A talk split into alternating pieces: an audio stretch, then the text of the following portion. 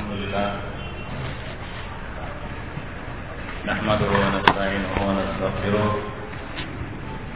ونعوذ بالله من شرور أنفسنا وسيئات أعمالنا. من يهده الله فلا مضل له. ومن يضلل فلا هادي له. أشهد أن لا إله إلا الله وحده لا شريك له. وأشهد أن محمدا عبده ورسوله. يا أيها الذين آمنوا اتقوا الله حق تقاته ولا تموتن إلا وأنتم مسلمون أما بعد Ikhwan Fiddin kita telah membahas hadis pertama dan hadis kedua Hadis pertama tentang hukum air laut Yaitu sucinya air, air laut dan yang kedua tentang hukum asal air. pada hadis yang pertama Rasulullah Shallallahu Alaihi Wasallam ditanya tentang hukum air laut dan beliau menjawab bahwa hukum air laut itu adalah tohur yaitu suci dan halal bangkainya.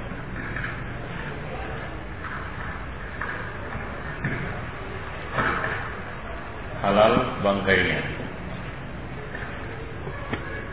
Nah, konsekuensi dari hukum ini adalah bahwa bangkai ikan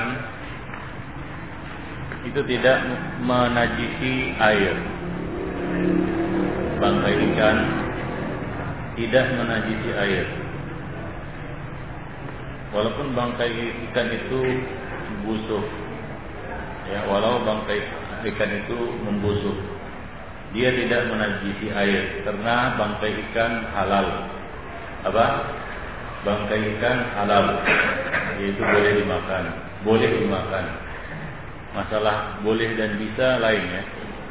Dia boleh dimakan, ada yang nggak bisa makan, tapi tidak mengharam, mengharamkan hal itu. Dia tidak mengharamkan hal itu dan sudah kita jelaskan kaidah. Ya, kaidah mengatakan anna kulla halalin fahuwa tahirun. Kaidah mengatakan bahwa setiap yang halal hukumnya suci. Apa? Setiap benda yang halal maka hukumnya suci.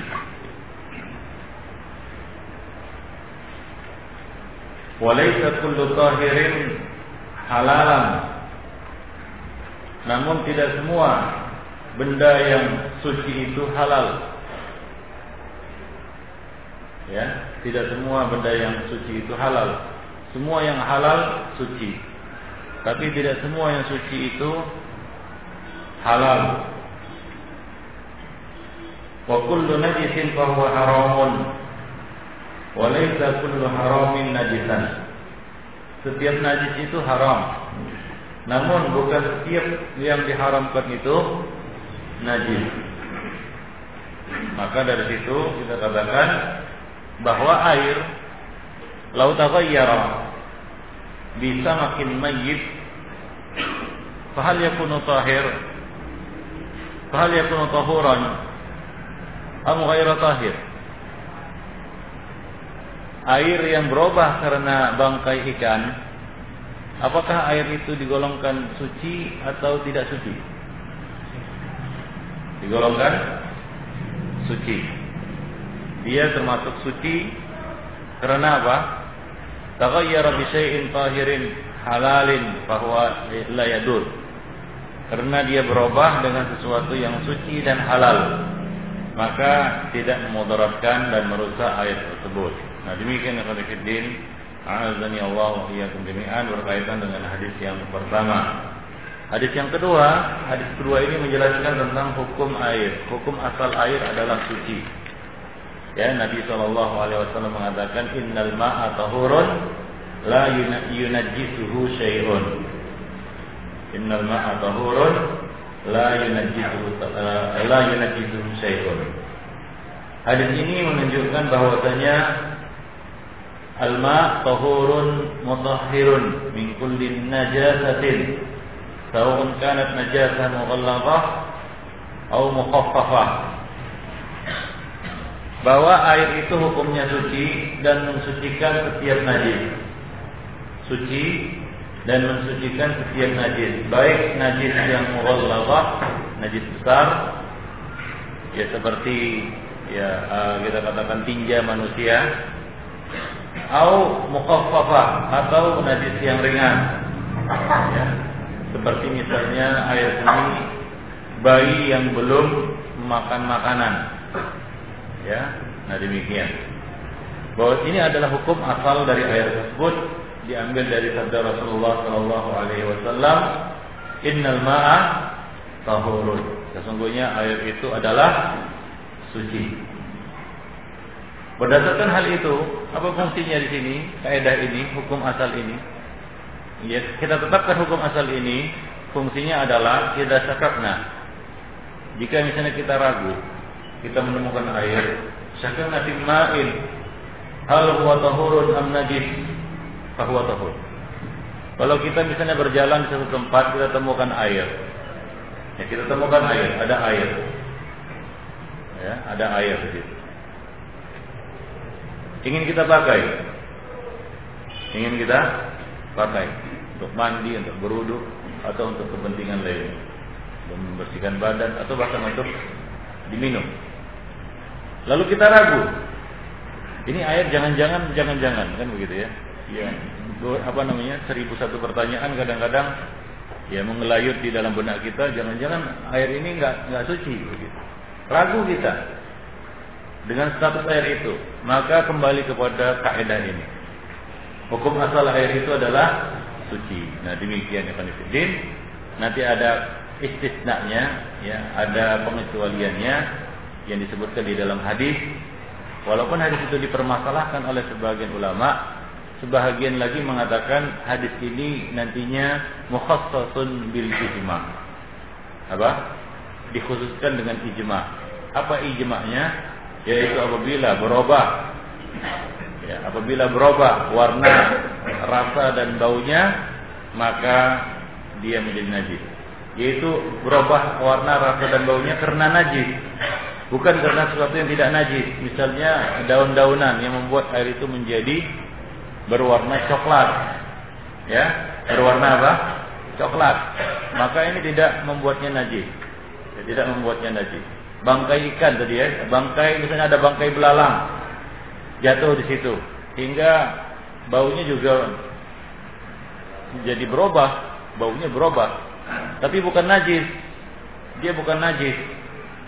Dia tidak tidak ya, tidak najis, dia tetap dianggap suci, ya karena itu bukan benda najis. Jadi dia e, berubah rasa, warna dan baunya, yaitu apabila jatuh padanya benda najis.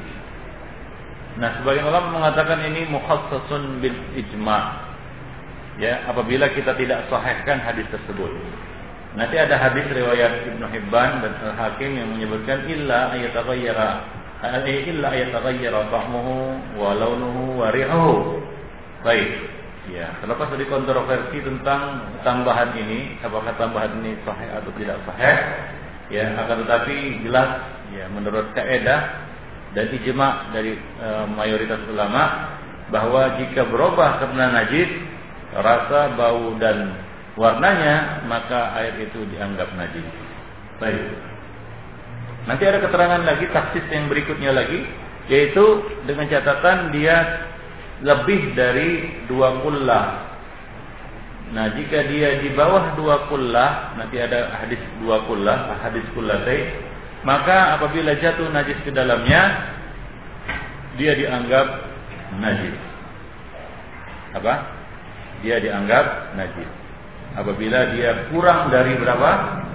Dua pula. Berapa ukuran dua pula nanti akan disebutkan hadisnya. Satu persatu ini. Jadi beliau menyebutkan dalil dari yang paling umum, kemudian ada taksisnya, kemudian taksis berikutnya. Baik. Nah, nah dalam hal ini para ulama juga berbeda pendapat ya mengenai pembagian air. Ya, di kalangan fuqaha yang masyhur Ya, kalau antum belajar fikih di sekolah sekolah-sekolah madrasah dulu mungkin antum pernah belajar fikih ya di madrasah. Air terbagi tiga. Ini masuk di kalangan uh, terutama di sini di Indonesia ini Syafi'i ya. Terbagi tiga ya. Tahur, tahir dan najis.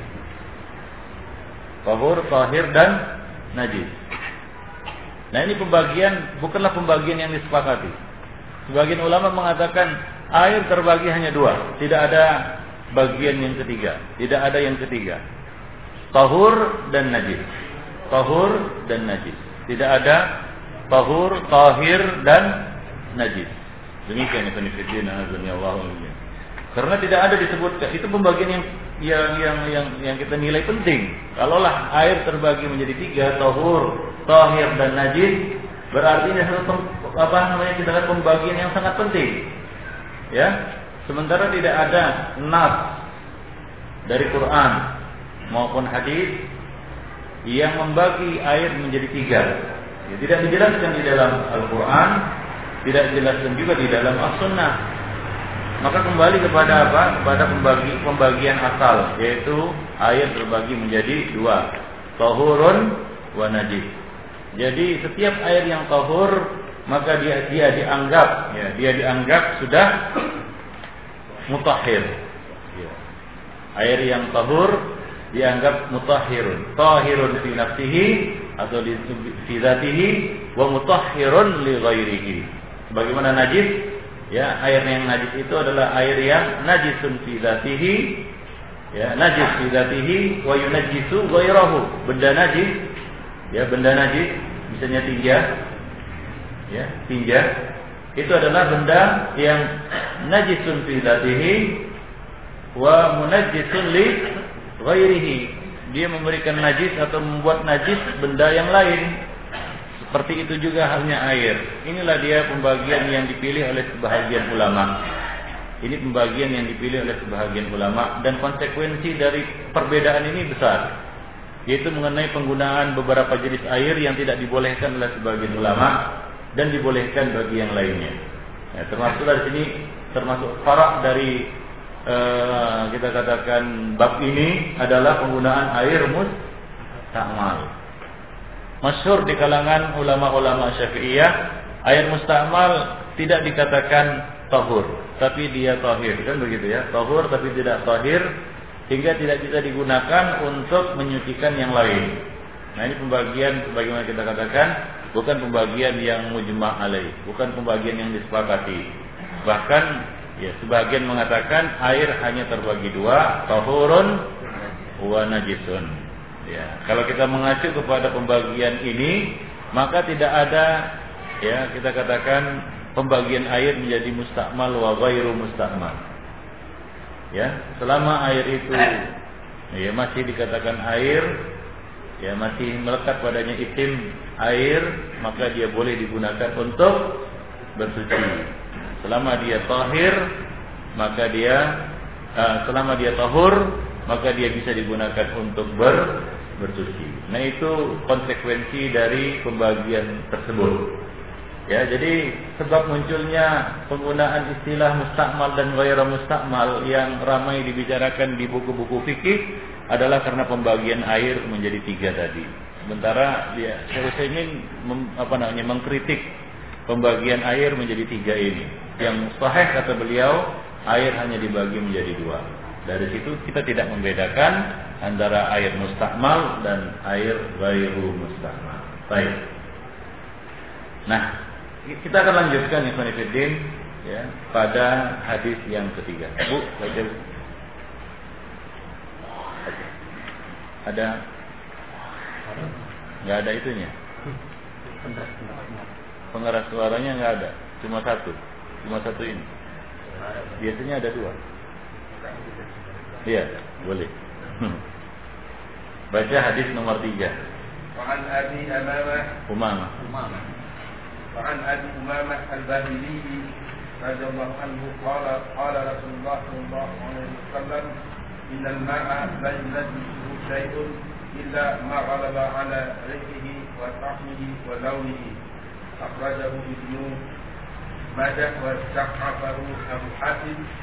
وللبيهقي الماء طهور الا ان تغير ريحه او طعمه او لونه binajasatin taktusu fihi.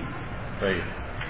Hadis ketiga dari sahabat yang mulia yaitu Abu Umamah Al-Bahili. Abu Umamah Al-Bahili. Kita membahas tentang perawi hadis ini dulu. Abu Umamah Al-Bahili nama lengkapnya adalah Sudai bin Ijlan. Ya, Sudai bin Ijlan. Beliau adalah salah seorang sahabat yang banyak meriwayatkan hadis. Ya, sering kita dengar hadis Abu Umamah. Dia masyhur dengan kunyahnya. Hampir riwayat-riwayat menyebutkan atau perawi-perawi menyebutkan an Abi Umamah, jarang menyebutkan namanya. Ya. Di antara perawi ada yang masyhur bi kunyatihi. Ya, sangat masyhur dengan kunyahnya. Abu Hurairah kan begitu ya, Abu Dar, kemudian Abu Said Al-Khudri, banyak abu-abu gitu. Dan ini bukan sesuatu yang apa namanya kita katakan eh, aib ya bagi seorang perawi bukan menutupi identitasnya, tapi karena memang itulah dia sebutan yang masyhur dan dikenal bagi dirinya. Nah demikian. Bahkan sebagian ulama ya menulis buku Al-Kuna ya, Al-Kuna. Baik. Beliau adalah salah seorang sahabat yang banyak meriwayatkan hadis, ya muksirun bil hadis, riwayat, dia tinggal di Mesir. Lalu pindah ke kota Hims. Itu di Yordania. Hims adalah salah satu kota sekarang di Yordania. Beliau wafat pada tahun 81 Hijriah. Ada yang mengatakan 86 Hijriah. Al-Bahili, ya, dia dikenal dengan sebutan apa? Abu Umamah Al-Bahili. Bahili adalah uh, nisbat kepada Bahilah. Bahilah ini adalah nama sebuah uh, kabilah yang terkenal, ya.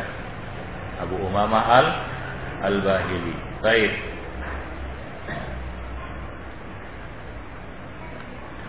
Kemudian eh, satu persatu kita bahas mengenai eh, apa namanya eh, kosakatanya. Innal ma'a la yunajjisu. Yunajjisu ay ja'alahu najisan. Ya. Ay sara najisan bi bihi. Ya, sesungguhnya air itu la yunajjisuhu syai'un. Tidak menjadi najis. Ya, tidak menjadi najis karena sesuatu illa ma ghalaba ala rihihi wa ta'mihi wa launihi. Kecuali apabila ghalaba ala rihi. Ya mengalahkan ya atas apa? Bau ta'mihi rih artinya bau itu sesuatu yang dicium dengan indera penciuman.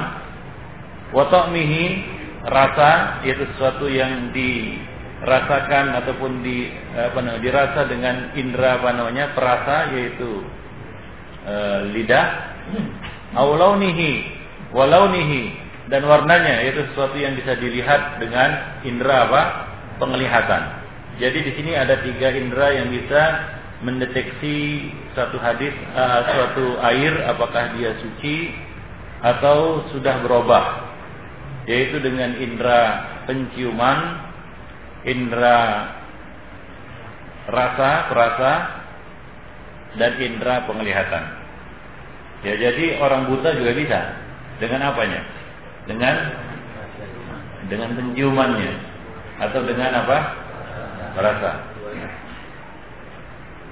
Kalau orang eh, apa namanya? Kalau orang yang tidak bisa merasa, dia mati rasa, ya dia bisa melihatnya. Jadi bagaimanapun cacat, ya dia bisa me, apa namanya me, membedakan. Ya dia bisa melihat, dia bisa merasa dan dia bisa mencium. Ya apa ada perubahan pada ayat tersebut. Demikian. Ini diriwayatkan oleh Ibnu Majah. Tapi hadis ini didaifkan oleh uh, Al Imam Abu Hatim. Al-Baihaqi meriwayatkan juga dengan lafal al-ma'u tahurun illa in taghayyara rihuhu wa ta'muhu aw launuhu. Illa in taghayyara rihuhu aw ta'muhu aw launuhu binajasatin tahdusu fihi. Binajasatin tahdusu fihi. Ada sedikit perbedaan redaksi di antara kedua hadis hadis yang pertama dikatakan air itu tidak menjadi najis karena sesuatu kecuali berubah air warna dan rasa uh, war, uh, bau rasa dan warnanya. Sesuatu ini boleh jadi najis boleh jadi tidak najis. Apakah bila ya dia kejatuhan sesuatu yang tidak najis berubah warna rasa dan baunya menjadi menjadi najis? Tidak. Jadi hadis yang pertama ini dikhususkan dengan hadis yang kedua yaitu apa? Binajasatin tahdusu fihi. Karena adanya najis. Jadi sesuatu yang dimaksud di sini adalah najis tahdusu fihi. Yang jatuh ke dalamnya. Yang apa? Jatuh ke dalam. Jadi hadis ini ya, kedua hadis di atas yaitu hadis yang kedua dan hadis yang ketiga ini menunjukkan bahwasanya al aslu fil ma'i at-taharah. Hukum asal bagi air itu suci. Ya, kemudian hukum mutlak ini dikecualikan idza laqathun najasa. Jika dia terkena najis fadhahara rihuhu wa ta'muhu rihuha wa ta'muha wa launuha. Kemudian nampak ya, dominan ya bau najis itu ya. Kemudian apa? Rasanya rasa najis itu atau warna najis tersebut misalnya kita katakan kejatuhan tinja berubah warnanya jadi kuning ya jadi kuning. Baunya nggak ada. Jangan bayangkan. Tapi warna tinja itu telah membuat kuning air tersebut. Apa? Warna tinja itu telah membuat berubah air tersebut, warna air tersebut. Maka ini menjadi najis. Karena dhahara fil ma'i launun najis. Launun najis ya telah nampak mendominasi pada air itu warna benda najis tersebut. Paham maksudnya? Nah demikian ya Sanifidin Rahimani wa rahimakumullah jami'an Bangkai ini kan Jatuh pada air. Ya. Jatuh pada air. Sebagian bangkai Ya mungkin tidak ada Bangkai tikus masuk Ya warna tidak berubah. Mungkin bersih dia. Bersih dia. Akan tetapi baunya berubah. Bening masih air itu, wah bening ini masih airnya, enggak berubah dia karena jatuhnya najis ke dalam itu. Akan tetapi apa? Baunya. Air itu baunya sudah berubah. Jadi bau apa? Jadi bau bangkai. Maka ini digolongkan najis. Kenapa? Walaba alaihi rihun najis. Ya, bau najis. Baik, Ya. Dan kemudian, ya, Wa yuqayyid hadzal itlaq ijma'ul ummah. Jadi kemutlakan ini dikhususkan oleh ijma. Kita kita sebutkan tadi ini merupakan salah satu contoh ya, takyidul hadis bil ijma atau tafsisul hadis bil ijma. Apa? Pengkhususan hadis dengan ijma.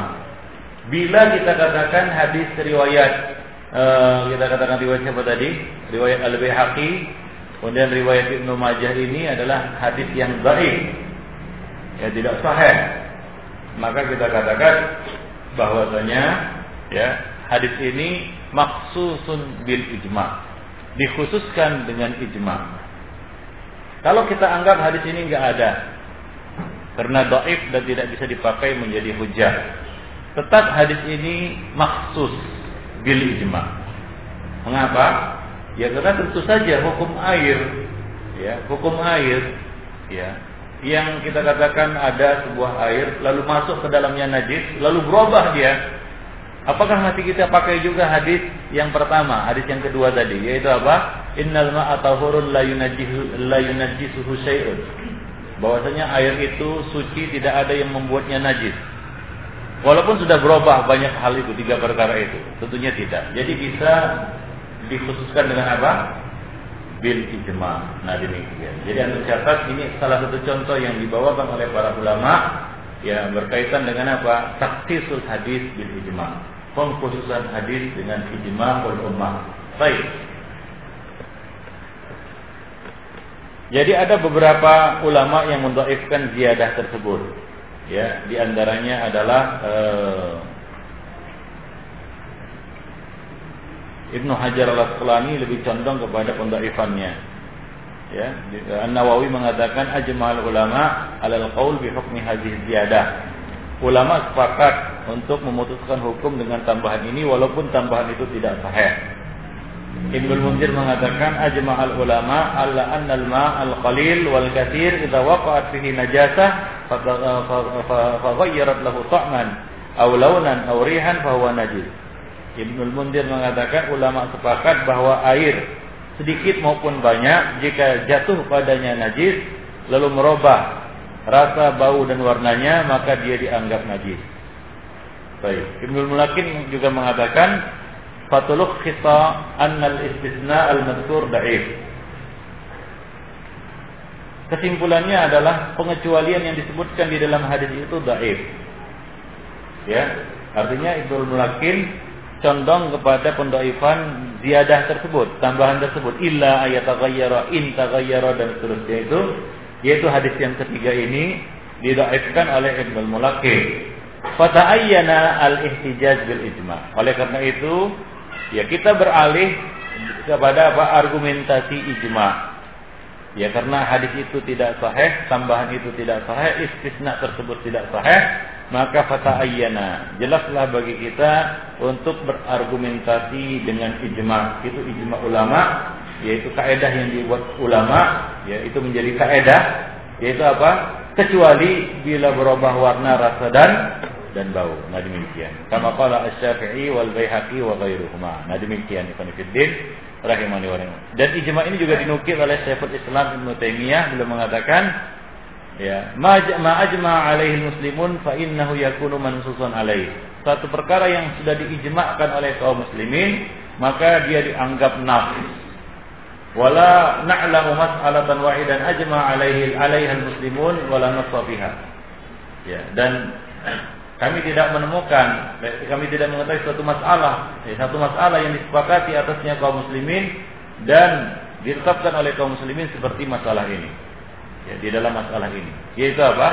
Bahwa air berubah, ya, beralih statusnya dari dari suci kepada najis apabila telah bercampur dengan najis yang merubah warna rasa dan dan baunya. Nah demikian yang fiddin rahimani wa rahimakumullah jami'an. Baik.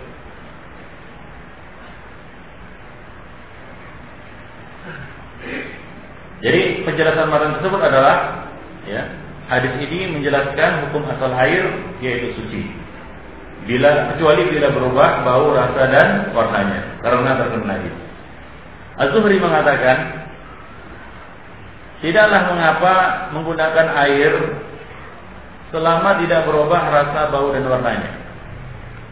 Ya, tidak mengapa menggunakan air selama tidak berubah rasa, warna dan baunya. Kebalikannya, Air dianggap tidak suci lagi apabila najis yang tercampur ke dalamnya merubah salah satu dari ketiga sifat tersebut, yaitu salah satu dari ketiga sifat tersebut. Bisa berubah warnanya atau rasanya atau baunya. Tidak harus ketiga-tiganya. Salah satu dari ketiganya. Atau tiga-tiganya. Atau dua di antaranya. Atau satu di antaranya. Nah demikian. Syekhul Islam Ibn Taimiyah rahimahullah mengatakan, Apabila air berubah karena tercampur benda najis, maka air itu menjadi najis berdasarkan ijma. Apa? Berdasarkan ijma. Demikian pula Ibnu Munzir mengatakan para ulama sepakat, ya, sebagaimana kita sebutkan tadi, ya, jika air itu terkena najis dan berubah warna rasa dan baunya, maka dia menjadi najis sedikit maupun banyak air tersebut. Nah ini hukumnya masih umum ya, nanti dikhususkan lagi dengan hadis kullatain. Baik. Nah, demikian Ibn Fiddin hadis yang ketiga. Ya, jadi coba lihat eh, dalil-dalil uh, yang dibawakan oleh uh, Ibnu Ibnu Hajar al Asqalani di sini mulai dari hukum yang mutlak Ya hukum yang paling asal, paling dasar yaitu apa? Hukum asal air yaitu suci. Kemudian istisna yang yang pertama yaitu kecuali berubah warna, rasa dan baunya karena najis. Ya, yang ketiga adalah pengecualian ya yang merupakan eh, kita katakan pengecualian yang terakhir yaitu selama ya ukurannya ya kurang apa namanya eh, lebih dari dua kullah. Ya, lebih dari dua kullah. Jika ukurannya kurang dari dua kullah, maka jatuhnya najis ke dalamnya telah membuat air itu otomatis najis. Bisa dipahami? Ya mulai dari hukum asal yang awal, pengecualian yang kedua itu juga masih umum. Ya kemudian lebih khusus lagi pengecualian yang ketiga yaitu masalah dua kullah. Apabila air sudah mencapai dua kullah, maka dia tidak layak mil khabar dia tidak mengandung khabar, dia tidak menjadi najis. Demikian Fiddin rahimani wa Jadi baca hadis yang keempat. Bal Kuat karena nggak ada apa alatnya. Alatnya tak kemana. Ada dua nih. Ya. Baca.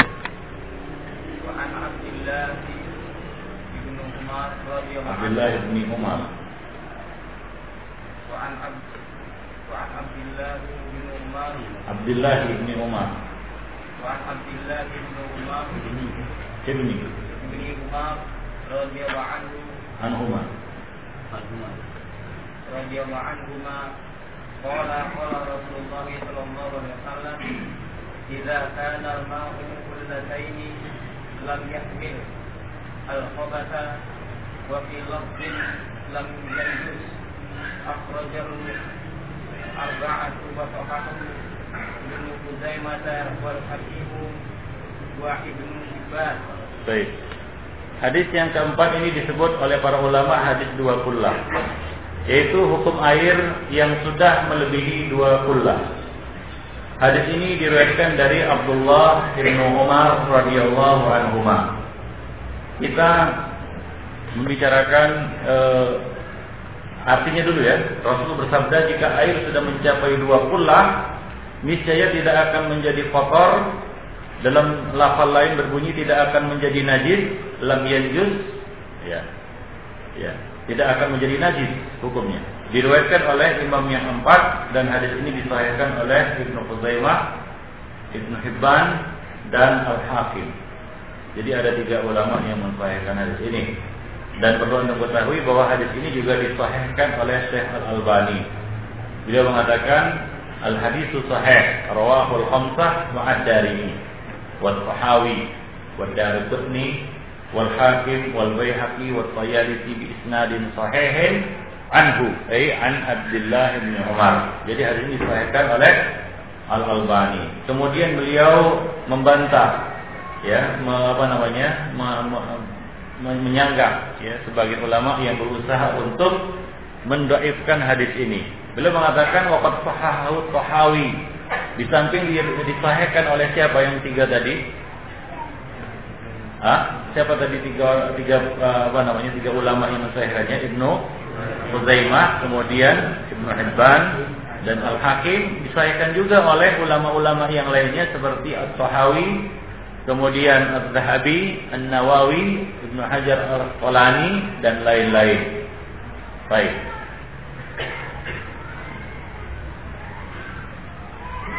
Perawi hadis ini Perawi hadis ini adalah Abdullah bin Umar Ibn Al-Khattab Al-Adawi Abu Abdurrahman Masyhur Abdullah bin Umar dengan sebutan Ibnu Umar Beliau adalah salah seorang sahabat yang digelari Al-Abadilatil Arba'ah.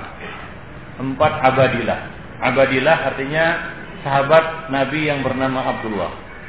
Yang merupakan fukoha, fukoha sahabat. Siapa empat Abdillah yang yang dikenal ataupun yang yang masyhur dengan sebutan Al-Abadilah Al-Arba'ah? Siapa saja selain Abdullah bin Umar itu satu. Siapa? Yakin kali Abdullah Betul. Abdullah bin Abbas. Terus Abdullah bin Amr. Satu lagi? Abdul Mas'ud. Abdullah bin Zubair. Kenapa Abdullah bin Mas'ud tidak masuk? Itu istilah untuk sahabat-sahabat yang sebaya. Ya. Abdullah bin Umar, Abdullah bin Amr, Abdullah bin Zubair, kemudian Abdullah uh, siapa satu lagi? Abbas itu seumur sebaya. Ya, mereka sebaya dan mereka disebut al-abadilatil arba'ah. Adapun Abdullah bin As'ud itu senior. Nah, demikian. Jadi tidak termasuk di dalamnya. Nah, demikian. Penelitian rahimani wa. Seorang sahabat Nabi yang masyhur dan populer dengan sebutan Ibnu Abbas. Dia minta izin kepada Nabi. Terkenal itu kisahnya dia minta izin untuk ikut peperangan yaitu perang Badar dan perang Uhud. Namun Nabi tidak mengizinkannya karena masih kecil. Jadi Abdullah bin Umar ini ada yang menuduhnya uh, ada beberapa orang yang kita katakan tentunya ahli bid'ah yang mengatakan atau selentingan yang tersebar di tengah-tengah kaum muslimin bahwasanya Abdullah bin Umar ini pengecut kan gitu ya. Nah ini tuduhan yang tidak berdasar dan sangat kita katakan dulu yang mengandung kedoliman. Dan tidaklah yang mengatakan seperti itu kecuali dicurigai keislamannya. Ya ahli bid'ah. Ada itu. Mungkin antum pernah dengar yang mengatakan bahwa Abdullah bin Umar ini ada sisi pengecutnya begitu. Ya, kalau beliau pengecut, orang yang pengecut, ya, tentunya beliau tidak akan minta izin untuk ikut perang pada usia yang sangat muda. Dan peperangan yang berat pula. Ya, yaitu perang Badar dan perang Uhud. Nabi tidak mengizinkannya karena dia masih kecil. Ada beberapa sahabat yang ingin ikut minta serta ya ikut disertakan oleh eh, apa namanya Nabi dalam peperangan tersebut tapi tidak diizinkan oleh Rasulullah Shallallahu Alaihi Wasallam mengingat usia mereka yang sangat muda. Ya, nah demikian. Ya, baru ya beliau diizinkan oleh Rasulullah Shallallahu Alaihi Wasallam ikut serta pada peperangan Khandaq. Ya, Padahal saat itu usianya baru 15 tahun. Dia berhijrah ke Madinah bersama ayahnya yaitu Umar bin Khattab. Dia baru diizinkan pada perang Khandaq. Ya, dan saat itu usianya 15 tahun.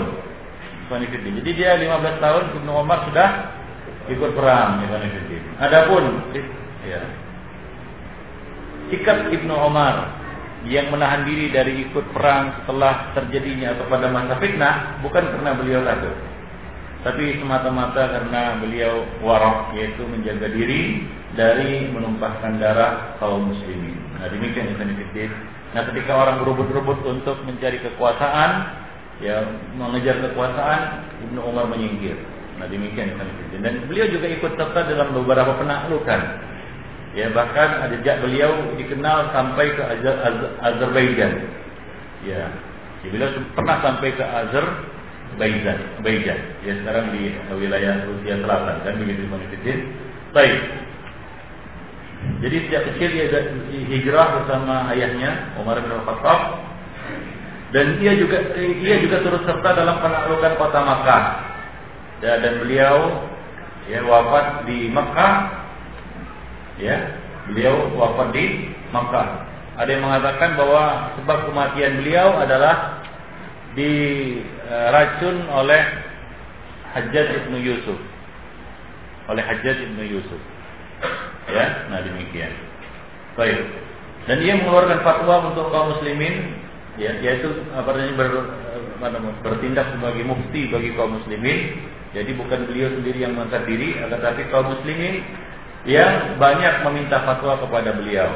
Ya beliau mengeluarkan fatwa atau memberi fatwa untuk kaum muslimin selama 60 tahun dan pernah berperang di Afrika sebanyak dua kali. Beliau mengalami kebutaan di akhir usia dan ia adalah seorang sahabat yang termasuk juga ya paling akhir wafatnya. Paling akhir wafatnya di Mekah. Ya, riwayatnya yang tercantum dalam kitab-kitab sahih sebanyak atau di dalam kitab-kitab hadis itu sebanyak 2630 hadis. Jadi kalau Abu Hurairah kemarin berapa? Hah? Ada yang catat? Berapa? Enggak catat. Berapa? 53 54. Nah, ini setengahnya lagi kira-kira 2630. 2630 hadis.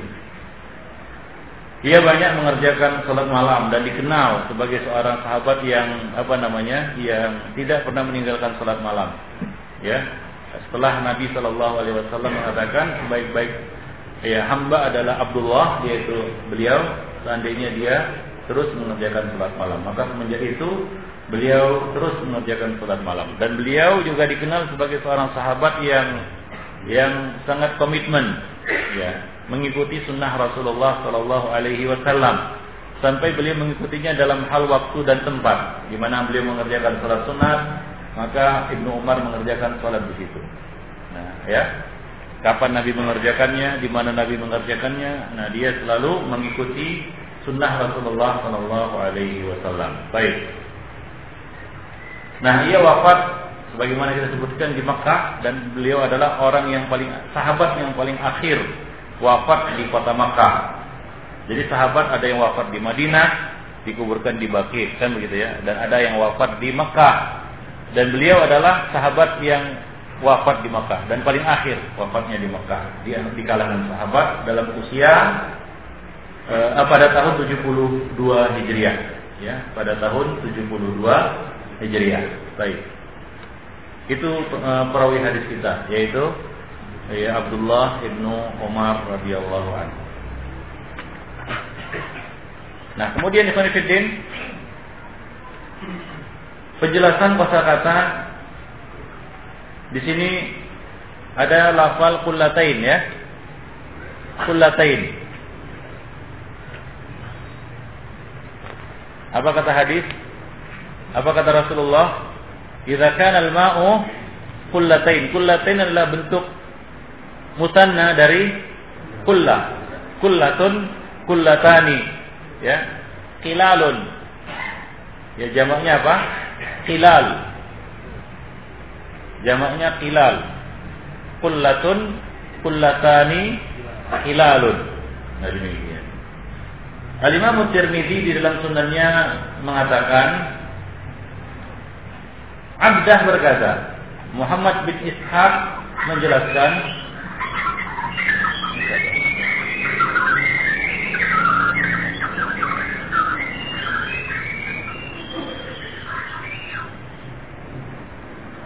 Abdah berkata Muhammad bin Ishaq menjelaskan Al-Qullah adalah bak air Artinya Al-Qullah arti asalnya adalah bak air Dan Qullah adalah tempat penyimpanan air Qullah disebutkan Qullah yaitu artinya tempat penyimpanan air Al-Imam Syafi'i, Ahmad dan Ishaq mengatakan ya seperti yang disebutkan oleh Al-Imam ukurannya sekitar dua kirba, afwan lima kirba.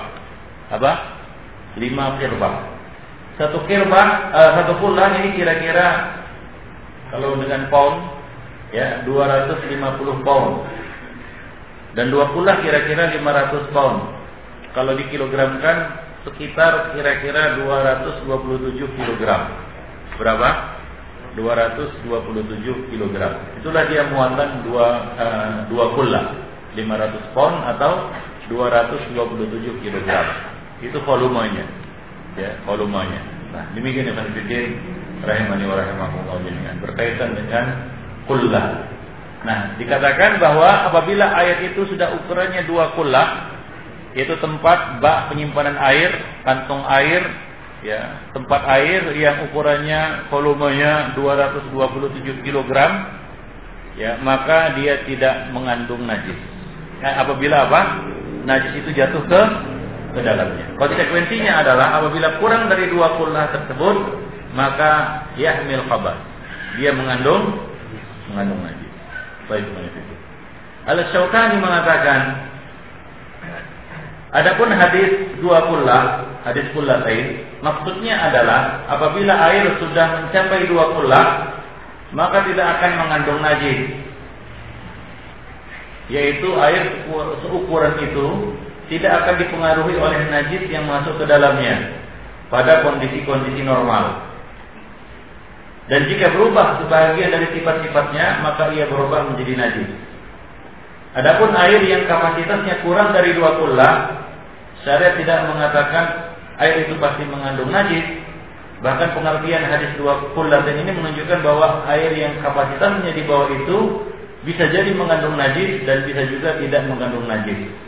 Dan jika mengandung najis, maka itu tidak terlepas bila berubah salah satu dari ketiga sifatnya.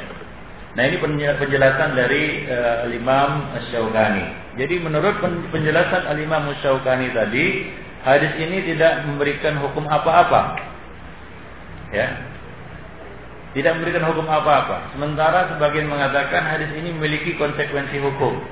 Yaitu mengenai suci dan najisnya air apabila dia sudah bervolume dua kula.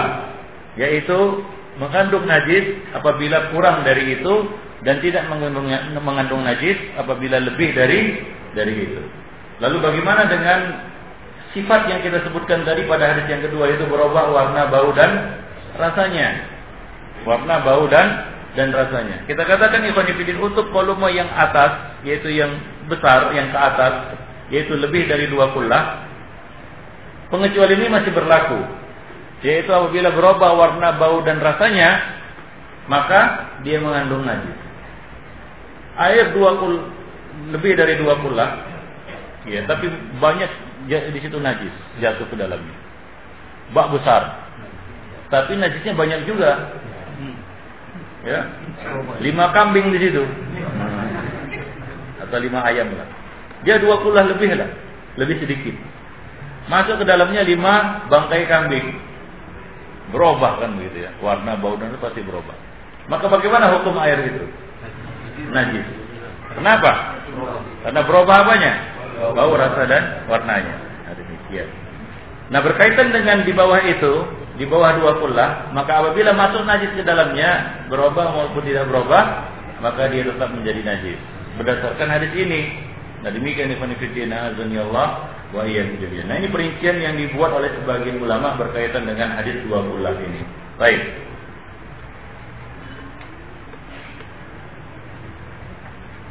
Ada tambahan di sebagian riwayat ya kakilali hajar seperti kilal kilal artinya puncak ya hajar hajar gunung ya ini menjelaskan tentang batasan kilal ya, akan tetapi hadis ini tambahan ini dhaif. Ya tambahan ini dhaif. Didaifkan oleh uh, Syekh Albani. Beliau mengatakan adapun taksis kullatain bi kilali hajar ada mengatakan Hajar ini adalah uh, Madinah atau Korea min Koral Madinah. Ya kilali Hajar yaitu Hajar maksudnya tempat dinisbatkan kepada Hajar yang bahwasanya ukuran ini berasal dari sana Hajar adalah tempat di Madinah dikatakan kilal itu sekolah itu adalah ukuran yang dinisbatkan kepada Hajar Hajar adalah tempat nah tapi eh, kita katakan riwayat tersebut baik lam yarid marfu'an. Tidak ada yang marfu bagi tambahan tersebut. Yaitu tambahan kakila li hajar. Seperti kullahnya hajar. Ya, tidak ada riwayat yang marfu yang menjelaskan hal itu. Hanya dari jalur Al-Mughirah bin Saqlab. Sementara dia adalah perawi yang mungkarul hadis. Jadi tidak sahih tambahan tersebut. Jadi kullah sebagaimana yang kita sebutkan tadi ya yaitu ukuran 227 kg atau sekitar 500 pon. Syekhul Islam Ibnu Taimiyah mengatakan aktsaru ahli ilmi bil hadis ala annahu haditsun hasan. Ya, kebanyakan para ulama hadis mengatakan bahwa hadis ini adalah hadis yang hasan. Artinya bisa dijadikan sebagai dalil kandungannya. Kalau dikatakan hasan, maka dia bisa dijadikan sebagai dalil. Dan tentunya dari sisi uh, kita katakan kekuatan riwayat, hadis ini lebih kuat daripada pengecualian yang disebutkan sebelumnya. Pengecualian yang disebut yang disebutkan sebelumnya itu masih kontroversi. Apakah pengecualian itu pengecualian yang sahih atau tidak sahih? Sebagian mengatakan itu dikecualikan dengan ijma bukan dengan riwayat. Jadi pengecualian dengan dua puluh ini lebih kuat kalau dilihat dari sisi riwayatnya. Ya, maka dari itu para ulama menjelaskan ya bahwa annal ma idza balagha kullatain fa innahu yadfa'un najasah an nafsihi bahwa air itu akan menolak najis dengan sendirinya hingga dia tidak terkotori dengan najis itu. Wala tu'athiru fihi dan tidak berubah malam taghayyir malam tughayyiruhu selama tidak merubah air itu. Apa? Selama tidak merubah air itu. Ya. Ini mantukul hadis. Itulah yang ya kita katakan makna yang ter, ter apa namanya kita kan ter, termaktub di dalam hadis itu. Yaitu hadis uh, apa air apabila sudah mencapai dua kullah maka dia bisa menolak najis dengan sendirinya. Selama ya tidak berpengaruh najis itu padanya selama malam tughayyiruhu selama najis itu tidak merubahnya. Ya. Nah kemudian mafhum hadis ini itu mantuk hadis nah mafhum hadis ada dalatul mantuk ada dalalatul mafhum baik. Dan penunjukan mantukul hadis kepada makna tersebut ini berdasarkan nam jelas maksudnya yaitu apa? Idza balagha al-ma'u kullatain lam yahmil al-khabar atau la, yanjus. Itu nam kemudian maksud hadis ini anna maduna kullatain bahwa di bawah dua kullah ini mafhumnya tadi ada mantuk ada mafhum. Nah ini mafhumnya. Yang bisa dipahami dari hadis hadis tersebut adalah maduna kullatain jika ukurannya kurang dari dua kullah tu'athiru fihi najasa. Maka akan berpengaruh ya dengan najis yang jatuh ke dalamnya. Fayan yusu bimulaqatiha. Maka dia menjadi najis apabila tercampur ke dalamnya taghayyara bin najasa amla berubah dia karena najis itu atau tidak. Itulah dia mantuk dan mafhum hadis ini. Dan itu bisa kita apa namanya kita selaraskan dengan apa? Dengan hadis yang sebelumnya. Baik. Atau dengan pengecualian yang sebelumnya. Kemudian mana tuh tanjis huwa qaulul ma alladhi laqathu najasa qalilan aiduna al khullatain yang menjadi ukuran di sini adalah apa? Dua kullah. Jadi kullah ini merupakan ukurannya batasnya. Baik. Nah di sini ada khilaf ulama ikhwanifiddina azanillahu wa iyyakum Para ulama berselisih pendapat tentang hadis ini.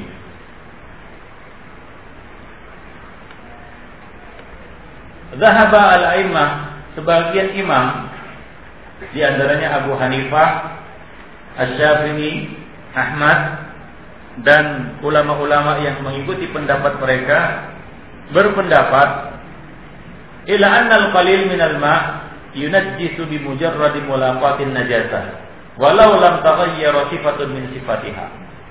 Bahwa air dalam jumlah yang sedikit akan menjadi najis apabila dia bersentuhan ataupun bercampur dengan najis walaupun tidak berubah salah satu dari ketiga sifat tersebut wal qalil inda al inda inda Abi Hanifah dan ukuran sedikit menurut Abu Hanifah adalah ini berbeda-beda para ulama di dalam menentukan kadar sedikitnya ya. Yang dikatakan apabila sedikit, maka jika jatuh kepadanya najis, dia akan berubah menjadi najis walaupun tidak berubah warna, sifat dan baunya. Ya, Abu Hanifah berpendapat bahwasanya ukurannya adalah alladzi idza harraqta nahiyatan minhu taharrakatin nahiyatil ukhra. Jika kita goyangkan ya, misalnya ada bak, ini bak, ini ukuran sedikit menurut Abu Hanifah. Nah, apa menurut menurutnya sedikit itu? Ya sedikit itu apabila ada bak kita goyangkan sini, maka goyang juga di sini. Nah, kalau masih goyang juga di situ, berarti ini masih sedikit. Masuk najis menjadi najis walaupun tidak berubah. Nah, itu menurut siapa? Abu Hanifah. Jadi menurut beliau, kalau digoyangkan sisi sini tidak bergelombang di situ, maka ini dikatakan banyak. Ya maka antum di di Pakistan itu mereka menyediakan bak yang sangat besar. Ya, dalam kondisi air tenang, kalau digoyangkan di sini, nggak sampai getarannya ke sana.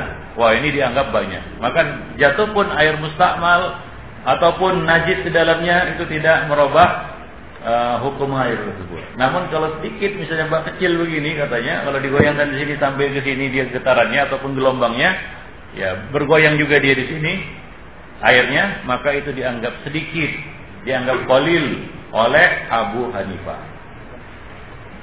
Siapa? Abu Hanifah. Dhahaba al-Imam Malik wa Zahiriyah wa Syekhul Islam Ibn Taimiyah wa Ibn Qayyim wa Syekh Muhammad bin Abdul Wahhab dan ulama-ulama yang lainnya ya.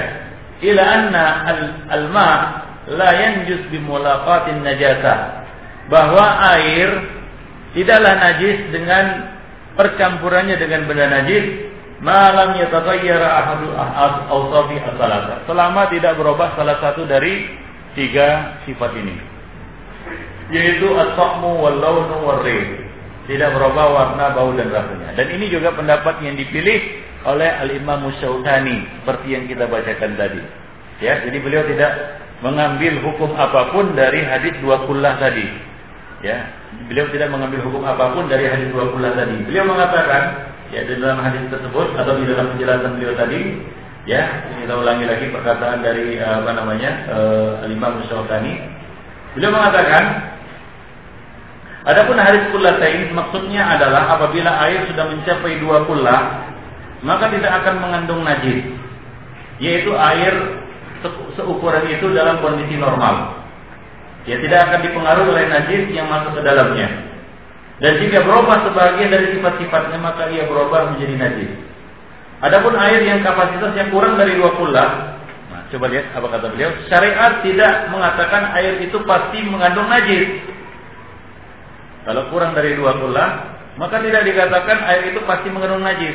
Ya. Ulama sepakat bahwasanya kalau dia lebih dari dua pula, berubah dia, berubah dia karena apa masuknya najis, ya, berubah warna sifat dan rasanya, maka jadi jadi najis. Adapun yang di bawah itu, nah, ya Imam Syafi'i mengatakan syariat tidak mengatakan ayat itu pasti mengandung najis. Bahkan pengertian hadis dua kullah ya mafhumnya kata beliau menunjukkan bahwa air yang kapasitasnya di bawah itu bisa mengandung najis dan bisa tidak. Nah, antum tahu letak perbedaannya di kalangan ulama yaitu mengenai mafhum hadis ini mantuknya jelas Ya, mantuknya jelas. Lebih dari dua puluh la yahmil khabar. Selama tidak berubah salah satu dari tiga sifatnya. Atau adapun di bawah itu bagaimana? Apakah sama seperti ya hukum ya lebih dari dua puluh Sebagian mengatakan tidak. Ya, di bawah dua puluh ya di bawah dua puluh ini adalah pendapat yang masyhur dari mazhab Al-Imam Syafi'i dan Imam Ahmad ya bahwa apabila dia kurang dari dua kullah maka pasti mengandung najis berubah maupun tidak berubah. Ya, Imam Ahmad dan Imam Syafi'i mengambil ukuran dua kullah ini. Adapun Al Imam Abu Hanifah dia menggolongkan yang sedikit itu bukan dua kullah. Ukurannya seperti yang kita sebutkan tadi. Ada bak kalau tempat air digoyangkan di sini akan sampai getarannya di sana, berarti ini sedikit maka apabila air e, najis jatuh ke dalamnya pasti mengandung najis berubah maupun tidak berubah. Mengerti? Baik. Jadi antum paham ada perbedaan pendapat di kalangan ulama dalam masalah ini. Baik, wa jami'an. Ya, jadi menurut Imam Malik, Zahiriyah, Syekhul Islam Ibn Taimiyah, Ibn Qayyim, ya, dan ulama-ulama lainnya termasuk juga Asy-Syaukani tadi kita bacakan bahwa air tidak akan mengandung najis Ya karena jatuh najis ke dalamnya selama tidak berubah salah satu dari sifat-sifat tersebut. Walaupun itu di bawah dua kullah. Jadi menurut mereka ini ya bisa jadi bro, najis bisa jadi tidak. Ukurannya apa? Berubah warna, bau dan dan rasanya Ibn Ibn Allah wa Jadi e, mereka berpendapat seperti itu. Ulama-ulama yang berpendapat najisnya air karena masuknya ya najis ke dalamnya berdalil dengan mafhum hadis Ibnu Umar fi al-qullatain. Hadis ini. Karena mafhumnya adalah menurut mereka maduna al-qullatain yahmil khabar ya maduna qullatain yahmil khabar di bawah dua kullah maka pasti mengandung khabar yaitu kotoran atau najis baik dan untuk riwayat mengatakan Idza balaghal qullatain lam yunajjishu syai'un. Jika dia sudah mencapai dua kullah, lam yunajjishu syai'un. Itu tambahan yang disebutkan juga oleh eh, Ibnu Hajar Al-Asqalani di dalam uh, Bulughul Maram tadi ya. Wa riwayatin kata beliau, la yunajjishu syai'un. Baik, maksudnya adalah anna maduna kullatain yanjusu atau yunajjisu bi mujarradil mulaqat. Di bawah dua kullah maka menjadi najis hanya karena jatuhnya najis ke dalamnya tanpa dilihat, tanpa di, perlu dirasa, dicium baunya atau dilihat warnanya berubah atau tidak. Nah, demikian Ibnu Fiddin rahimani wa rahimakumullah jami'an dan lalu mana yang rajih? Mana yang? Ikhwan mana yang rajih? Saya tak mentarji di sini. Di sarah ini saya tak mentarji. Cuma saya bawakan perkataan Syaukani ya yang lebih condong kepada mazhabnya Imam Malik, Wahiriyah, Syekhul Islam Ibnu Taimiyah dan Ibnu Qayyim al-Jauziyah. Tapi ini ada sedikit kemuskilan. Muskilnya di mana? Hadis ini sahih. Ya dari sisi riwayat hadis ini lebih kuat daripada ya pengecualian dengan apa? dengan uh, hadis yang kedua tadi, yaitu dikecualikan warna bau dan rasanya yang masih diperselisihkan sahih atau tidaknya. Bahkan mayoritas ulama lebih condong kepada kedaifannya. Daif. Nah demikian. Dinyatakan daif. Baik. Nah, akan tapi dia dikhususkan dengan ijma. Nah, bisakah ijma mengatasi hadis dua kullah ini? Nah, itu menja masih menjadi ajang perdebatan di kalangan ulama. Apakah demikian kuatnya ya kekuatan ijma ini hingga dia bisa mengatasi hadis dua puluh dan hadis dua puluh itu dikhususkan dengan ijma tadi atau kaidah yang dibuat dan dijadikan ijma oleh para ulama? Atau kita berpegang kepada hadis ini sebagaimana yang dipegang oleh Al Imam Syafi'i dan Imam Ahmad? Yaitu ukurannya dua puluh sudah kalau di atas itu tidak mengandung najis selama tidak berubah kalau di bawah itu mengandung najis walaupun tidak berubah. Selama tidak berubah dan walaupun tidak berubah. Kalau di bawah dua bulan. Nah ini yang yang di eh, apa namanya yang diperselisihkan di kalangan ulama. Baik dan untuk mentarjihnya tentu ini suatu hal yang sangat sulit ya. Dan juga kita ketika menulis syarah ini juga belum bisa mentarjih mana yang lebih kuat dari dua pendapat tadi. Nah, kalau kita mengacu kepada al-ihtiyat yang paling selamat, kita ambil ini hadis dua gula dengan ukuran tadi. Sebagian mengatakan mendoakan berusaha untuk mendoakan hadis ini dengan mengatakan terjadi istirab di dalam matanya. Ada yang mengatakan salah satu kilal. Di dalam riwayat lain diriwayatkan arba'ina kullah, 40 kullah. Ada yang mengatakan tiga kullah. Kita katakan Syekh Albani memberikan jawaban bahwasanya riwayat yang menyatakan salah kilal dan arba'ina kullah ini adalah hadis yang syaz, riwayat syaz. Riwayat yang syaz, lemah. Yang sahih dan mahfuz adalah kullasai. Yang sahih dan mahfuz adalah kullasai. Maka dari itu Syekh Albani membantah orang-orang yang mendaifkan ataupun mencacat hadis ini karena adanya ittirab di dalam matanya. Antum tahu hadis mutarif? Ya, ini bukan koncong-koncong gimana ya? Jadi terjadi kontroversi di dalam matanya atau sanatnya. Yaitu misalnya hadis yang digolongkan hadis ittirab misalnya hadis tentang e, jumlah ruku di dalam sholat gerhana. Dalam riwayat mengatakan dua ruku, tiga ruku, empat ruku, kan begitu ya? Sementara Nabi melakukan sholat gerhana cuma satu kali dalam hidup beliau. Jadi berapa kali beliau ruku? Apakah dua kali, tiga kali, empat kali dalam satu rakaat? Nah ini masih diperdebatkan. Dan e, kita katakan e, hadis itu digolongkan oleh sebagian orang sebagai hadis mutarif. Nah di, di sini sebagian orang mengatakan hadis kullatain ini mutarif karena sebagian meriwayatkan salah tukilal tiga kullah, sebagian mengatakan meriwayatkan arba'ina kullah, empat puluh kullah. Maka dijawab oleh para ulama hadis bahwa riwayat salah tukilal tiga kullah dan empat puluh kullah itu adalah hadis yang lemah. Jadi yang sahih adalah dua kullah. Intinya kesimpulannya hadis ini bukan hadis muttarif dan hadis yang sahih dengan lafal dua kullah. Ya, kembali kepada tarjih. Mana yang lebih wajib? Taib. Ya. Antum bisa apa namanya? E, pakai di sini yang paling selamat gitu ya. Yang paling selamat antum anggap saja ya. Ya. Kalau itu lebih dari dua kula, kira-kira bak antum kapasitasnya berapa? Taruhlah kita ambil apa namanya angka yang pendekatan terbesar 227. Taruhlah 230. Anggaplah 250. Volume dari bak antum atau volume dari air tersebut 250 kg. Berapa liter itu kira-kira? Ya. Sama dengan berapa? Jadi 250 liter. Satu kilo satu liter. Betul. Air, air, air.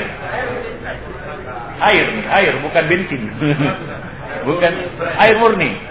Ya kira-kira, ya kira-kira 250 liter. Jadi kalau kapasitas itu 250 liter, maka itu sudah dianggap dua pula dan jatuhnya najis ke situ ya, dianggap membuatnya najis. Dianggap menurut pendapat Syafi'i. Paham? Menurut pendapat Imam Syafi'i. Wallahu a'lam Nah, demikian. Walaupun kita katakan ulama-ulama yang mengatakan dari mana antum mengatakan itu tidak menjadi suci lagi dan menjadi najis dan tidak bisa digunakan dan itu bisa menyebabkan mubazir. Nah ini kata ulama-ulama yang uh, pendapat yang kedua yang mengatakan tidak. Ya walaupun di bawah dua bulan Nabi tidak mengatakan apa-apa. Antum mengambil mafhum. Kami mengatakan mafhumnya bisa jadi najis, bisa jadi tidak najis. Begitu kata uh, Imam Malik, Zahiriyah, Taimiyah dan lain-lain sebagainya. Kenapa antum menghalangi orang mati air itu? Nah. Baik, ini mengenai masalah mafhum dan kekuatan mafhum. Ini namanya mafhumul adat. Apa? Mafhum adat termasuk mafhum mukhalafah. Yaitu apa? Konsekuensi yang diambil dari konsekuensi terbalik dari hadis tersebut. Ya. Dua kula di atas dua kula itulah yang mantuk. Di atas dua pula. Makanya dari itu Ikhwan para ulama nggak berbeda pendapat kalau lebih dari dua pula. Nggak berbeda pendapat. Kalau lebih dari dua pula, dia tidak mengandung najis. Jatuh najis, tidak berubah, maka dia dikatakan suci. Jika berubah, jelas. Ya. Nah, para ulama berbeda pendapat di bawah itu. Nah, ini diambil dari mafhum. Sebagian mengambil mafhum, yaitu kalau di bawah dua pula berarti dia najis. Ya. Nah, kadang-kadang berarti ini gitu ya. Nah bagi sebagian orang tidak berarti. gitu. Ya Allah Allah. Al, al muhim ini masih ya khilaf di kalangan ulama Ibn Fiddin. Allah wa Masih ya kita katakan khilaf di kalangan ulama. Tapi kalau disuruh memilih kalau antum mengatakan dia dari sisi selamatnya ihtiyat ya. Al akhdhu bil ihtiyat khurujan minal khilaf keluar dari khilaf maka jangan ambil. Apa, apa namanya jangan pakai. Jika sudah masuk najis, kurang dari dua puluh jangan pakai. Maka kurus minal minal khilaf, kan begitu ya? Iya, di bawah dua puluh. Maksudnya kita di sini ingin mengambil tariqah ataupun ingin mengambil pendapat ataupun sikap yang kurus minal khilaf. Maksudnya kurus minal khilaf ini adalah keluar dari khilaf ini. Yaitu apa? Yaitu jangan pakai. Nah demikian. Kalau kalau dilihat dari sisi itu, ya. Tapi kalau lihat dari sisi efisiensinya dan manfaatnya, maslahatnya, memang ya pendapat yang kedua lebih mendekati itu. Kenapa? Karena Nabi tidak memberikan hukum yang di bawah dua pula. Maka kembali kepada apa? Kembali kepada kaidah asal. Selama belum berubah warna, bau dan rasanya. Allah. Bukan masih bagus. Kalau dia pakai hadis ini dua kula ini bagaimana? Baik. Walaupun hal begitulah. Ini masalah fikih. Jadi jangan terkejut kalau masih ada perbedaan di dalamnya. Ya orang-orang yang membatasi qalil wal kasir berbeda juga di dalam memberi batasan qalil. Ya, qalilnya berapa qalil? Ah, Abu Hanifah tadi mengatakan kolil itu kalau digoyang sini tidak goyang ke sana itu berarti banyak. Ya, tapi kalau masih uh, kalau masih goyang berarti kolil. Nah, dia tidak mengambil hadis ini. Dia tidak mengambil hadis dua pula. Baik. Nah, lanjutkan pembacaan hadis yang kelima.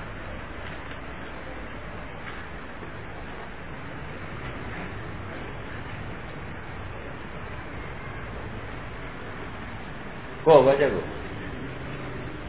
Yuk.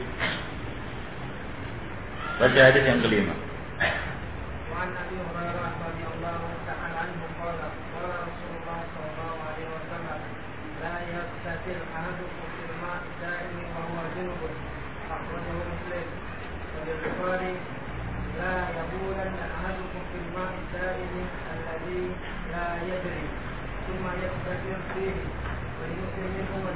ولابي داود ولا يغتسل فيه فيه من الجنابه Baik.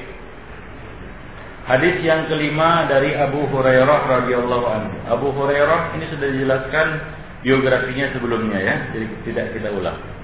Nabi Shallallahu alaihi wasallam mengatakan La yaqtasil adukum fil ma'id daim. Janganlah salah seorang dari kamu mandi di air yang tergenang. Daim artinya tidak bergerak. Ya, daim artinya tidak bergerak wa junubun sementara dia junub. Baik. Dan dalam riwayat Bukhari disebutkan La yabulanna ahadukum fil ma'id daim. Janganlah salah seorang dari kamu buang air kecil. Fil ma'id daim, di air yang tergenang, alladzi la yajri, tidak yang tidak mengalir. Tsumma yaqtasilu fihi, kemudian dia mandi di dalamnya. Wali muslimin minhu. Dalam riwayat Muslim minhu. Apa bedanya fihi dengan minhu? Kalau fihi dia nyebur ke dalamnya. Kalau minhu dia gak nyebur tapi dia menciduknya. Dua-duanya dilarang. Ada riwayatnya. Dalam riwayat Muslim dengan riwayat dengan lafal apa? Minhu. Wali Abi Daud wala yaqtasilu fihi minal minal janabah. Janganlah dia mandi di situ mandi junub. Mandi junub. Baik. Jadi hadis ini menjelaskan kepada kita tentang masalah yaitu larangan mandi di air yang tergenang dan juga larangan buang air kecil di air yang tergenang. Bagaimana kalau buang air besar? Iya. Nabi mengatakan la ya bulanna. Janganlah baul itu apa baul? Buang air kecil. Lima idaim. Alladhi alladhi la yajri. Jelas kalau airnya mengalir nggak apa-apa ya baul ya. Nah, kalau dia tergenang nggak boleh baul di situ. Nah, kalau buang air besar apa? Apa hukumnya? Buang air besar dia, gaib, ya tagawat. Oh ya tagawat. Buang air besar. Buang tinja. Bukan buang air dia. Buang tinja dia di situ. Hah? Dibilang kalau buang air besar pasti buang air kecil. Ya nggak pasti juga begitu.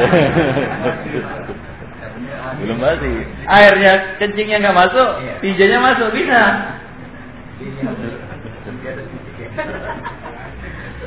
Nah, itu tentunya masuk hukumnya.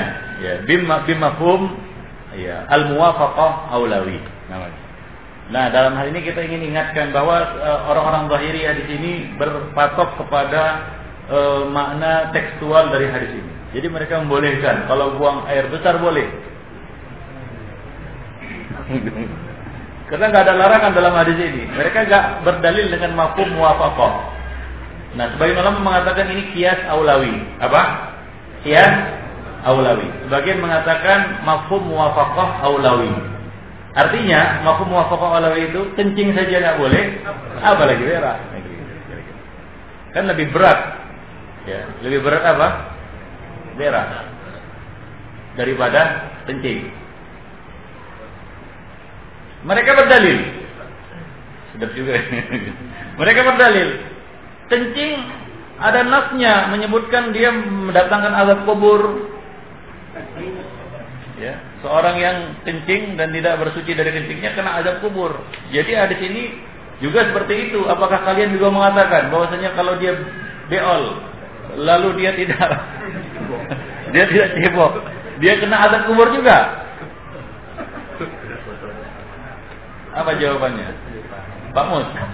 kalau dia beol, tidak cebok, apa kena azab kubur juga? Nah, jelas kalau hadis mengatakan dia buang air kecil, kemudian dia la yastabrik min baulihi, la yastanji maka dia kena azab kubur hadis Nabi itu. Bagaimana kalau orang tidak cebok? Apa namanya tidak cebok dari beraknya? Ah, apa kena azab kubur juga dia? Itu kan masalah akidah, masalah gaib apa bisa antum kiaskan juga sebetulnya begitu kan ya. Ya tentu kita katakan berbeda. Itu hukumnya itu hukum berkaitan dengan perkara gaib dan kita nggak mau mengkias di situ. Ya kalau kita tak menggunakan kias di situ, maka jangan paksa kita tidak menggunakan kias di sini. Sebab orang-orang al-zahiriyah menyamaratakan kias itu nggak boleh akidah maupun ibadah atau muamalah bab-bab lainnya. Dalam seluruh bab mereka menafikan kias secara mutlak. Mutlak. Kias nggak boleh. Itu wajar mereka tidak menggunakan kias di situ. Jadi mereka mengatakan orang yang beol tidak cebok tidak tidak terancam azab kubur. Kalau dia buang air kecil tidak cebok, dia terancam azab kubur. Kita menahan diri dari kias di situ. Kenapa? Karena itu perkara gaib. Allah alam kan begitu. Tapi jangan, jangan lakukan. Bisa jadi kan begitu ya. Dan kita masih kan hukum. Tapi yang jelas kalau di dalam bab ini, di dalam bab ini, ya orang yang beol di air yang tergenang, dia terkena larangan. Haram hukumnya dan dia berdosa. Karena Nabi melarang dia buang air kecil di situ. Apalagi dia beol di. Baik, paham tuh masalahnya. Nah, sebagian mengatakan bagaimana kalau dia buang najis di situ? Ada air tergenang dia buang najis. Dia tidak buang air, tapi dia buang najis. Apa bedanya buang air dengan buang najis? Apa bedanya buang air dengan buang najis? Bukankah buang air itu buang najis juga? Beda, harus dakik di dalam penggunaan lafaz. Kalau buang najis, dia nggak buang air kecil di situ. Air kecil, air kecilnya ditampungnya dia buang di situ. Ketawa. Ya contohnya, dia ngompol kan gitu ya, dia cuci ngompol ya. Tahu ngompol? Dia cuci itu kayak kompolnya itu di air yang terkena. Kena nggak dia di situ? Ulama mengatakan kena. Dia membuang najis di situ. Baik dia langsung membuangnya dengan buang air kecil ataupun secara tidak langsung. Artinya apa? Dia buang eh, kotoran air seni ataupun tinja di situ, maka tidak boleh. Jadi hukum ini berlaku umum. Itu digolongkan sebagai kias ya apa namanya? kias eh, al-musawi, sama derajatnya. Antara dia atau eh, sama hukumnya antara dia buang air kecil langsung dengan dia melempar ya najisnya di situ, sama saja. Jadi buang najis ataupun buang air di situ. Baik. Ya, karena ilat ada pada pada hal itu, pada kedua perkara itu. Yaitu sama hukumnya atau lebih lagi hukumnya. Karena di sini makna yang kita petik adalah kita tidak boleh mengotori air yang tergenang itu. Sebab boleh jadi ada hewan-hewan yang datang ke situ kemudian minum. Kemudian ada manusia yang datang ke situ kemudian dia minum di situ. Kemudian ada juga orang yang datang cuci pakaiannya di situ, kan begitu ya? Atau cuci muka di situ. Nah, apabila kita kencing di situ atau buang najis di situ, ya, maka ini akan membuat air itu kotor. Nah, ini kan fitin rahimani wa rahimakumullah jami'an. Baik.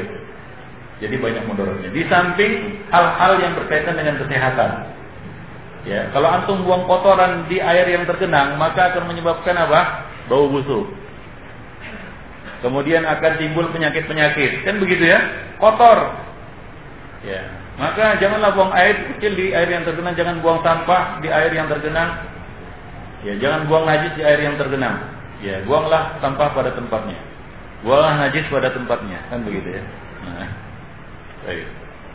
Kalau kalau antum di pinggir sungai, ya di pinggir sungai. Baik. Uh, jadi penjelasan kosakata. Ad-daim. Ya, ad-daim artinya yang statis. Daim artinya selalu. Dama, yadumu, dauman, yaitu yang selalu, yang terus menerus senantiasa. Maksudnya adalah yang senantiasa ada di situ alias tergenang dan tidak mengalir. Nah itu dijelaskan di dalam riwayat yang kedua, riwayat Bukhari, yaitu apa? Alladzi la yajri. Yaitu air yang tidak ter yang apa? Tidak mau mengalir. Nah demikian Ibn Fitin rahimani rahimahullah. Baik. Sekarang matanya. Ketiga hadis ini itu ada tiga hadis taala ya, tiga lafal maksudnya, tiga redaksi. Yang pertama, la yaqtasilu ahadukum. Kemudian yang kedua, la yabulanna ahadukum. Yang ketiga apa? Wala yaqtasilu fihi minal janabah.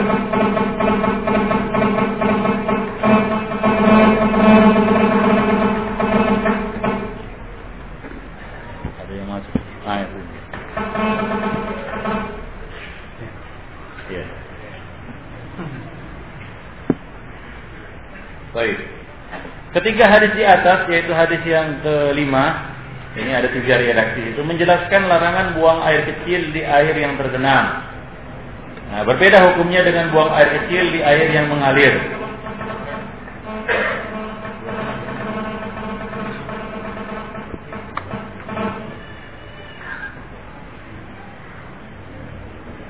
Ini uh, antum ada tempat atau corong di mana itu diletakkan? Baik. Ya, kita lanjutkan. Berbeda hukumnya dengan buang air kecil di air yang mengalir. Karena jika najis jatuh ke dalam air yang mengalir, maka bagian yang terkena najis akan terbawa mengalir sehingga dianggap sudah hilang. Air yang mengalir tidak najis kecuali bila berubah salah satu dari tiga sifatnya, yaitu warna, rasa, dan baunya. Kemudian larangan mandi junub di air yang tergenang. Ini memiliki, e, memiliki hukum hukum tersendiri yang berbeda dengan hukum mandi di air yang tergenang. Ya, hadis yang ketujuh dan kedelapan menjelaskan larangan kencing dan mandi junub di air yang tergenang. Itu hadis yang keberapa tadi? Yang terakhir ya, larangan mandi junub ya di air yang ter tergenang. Nah, demikian ini itu beberapa faedah yang bisa kita ambil dari hadis tersebut.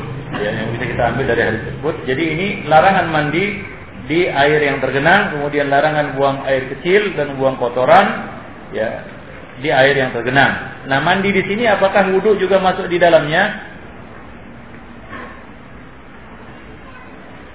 Mandi, di sini mandi ya, layak tasilu. Kemudian wudhu bagaimana? Wudhu tidak disebutkan di dalam nas tersebut. Lalu apakah bisa disamakan larangan ini, larangan mandi di dalamnya termasuk juga wudhu?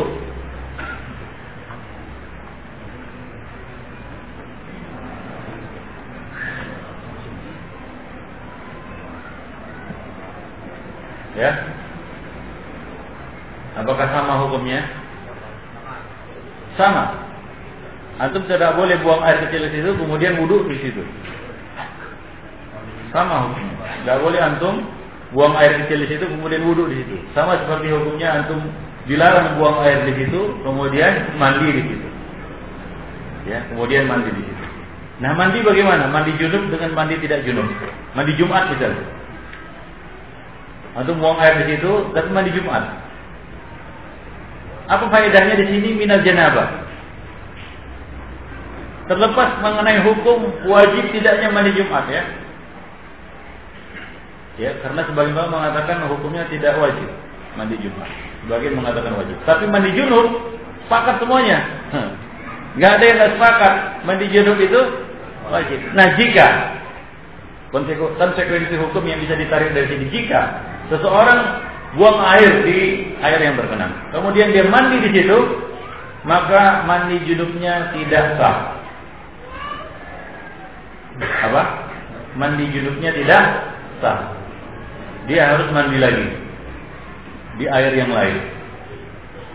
Ya, walaupun kita katakan perbuatannya itu haram, dia kencing di situ.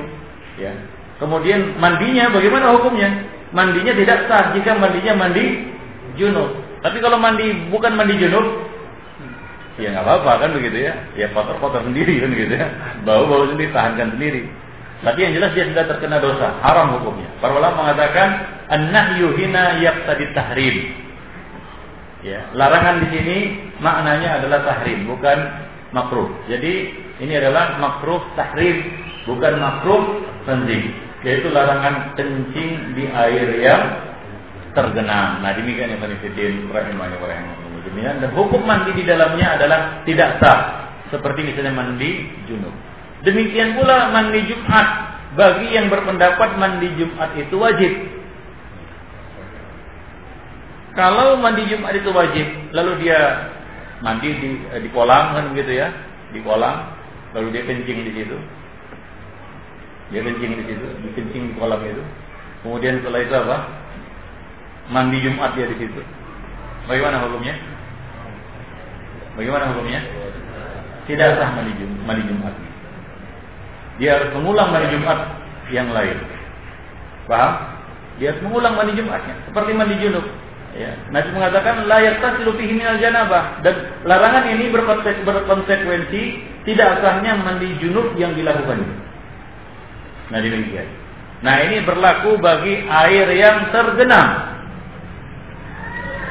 Bagaimana dengan air yang tidak tergenang? Misalnya apa? Air sungai mengalir. Atau air misalnya air danau. Air danau tergenang atau nggak tergenang itu? Tidak tergenang, dia mengalir kan ada apanya? Ya, air tergenang maksudnya adalah air yang tidak ada sirkulasinya.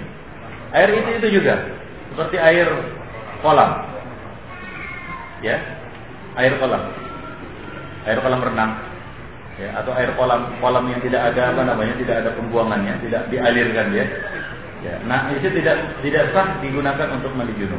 Demikian Ibn Fiddin rahimani wa rahimahullah jami'an berkaitan dengan hadis yang kelima yang menjelaskan tentang hukum larangan ya mandi junub di air uh, apa buang air kecil di, di air yang yang tergenang dan mandi di situ. Nah, demikian Ibn Fiddin rahimani wa rahimahullah jami'an. Nah, zahir hadis ini menunjukkan bahwa tidak ada beda antara sedikit dan banyaknya air tersebut. Selama dia tidak mengalir. Nah, jadi tidak boleh. Wah ini banyak airnya, bebas kencing di sini nggak boleh. Selama dia tidak mengalir. Baik.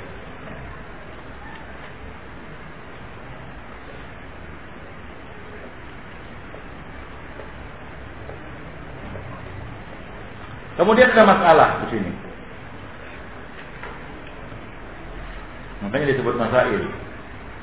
Sebagian kelompok nggak suka masail. Kenapa? Susah. Banyak masalah katanya. Ada masalah di sini. As-Sana'ani menyebutkan di dalam sebuah salam. Menurut kaidah bahasa Arab katanya, annal manhi anhu fil hadis innama huwa anil jam bainal baul wal istisal. Bahwa larangan ini adalah gabungan antara buang air kecil dan mandi. Lianna summa karena di dalam riwayat coba lihat summa ya la yastasilu ahadukum bil ma'id daim wa huwa yudur. Di hadis yang kedua ya la yabulan ahadukum bil ma'id daim alladhi la yajri summa yastasilu fihi.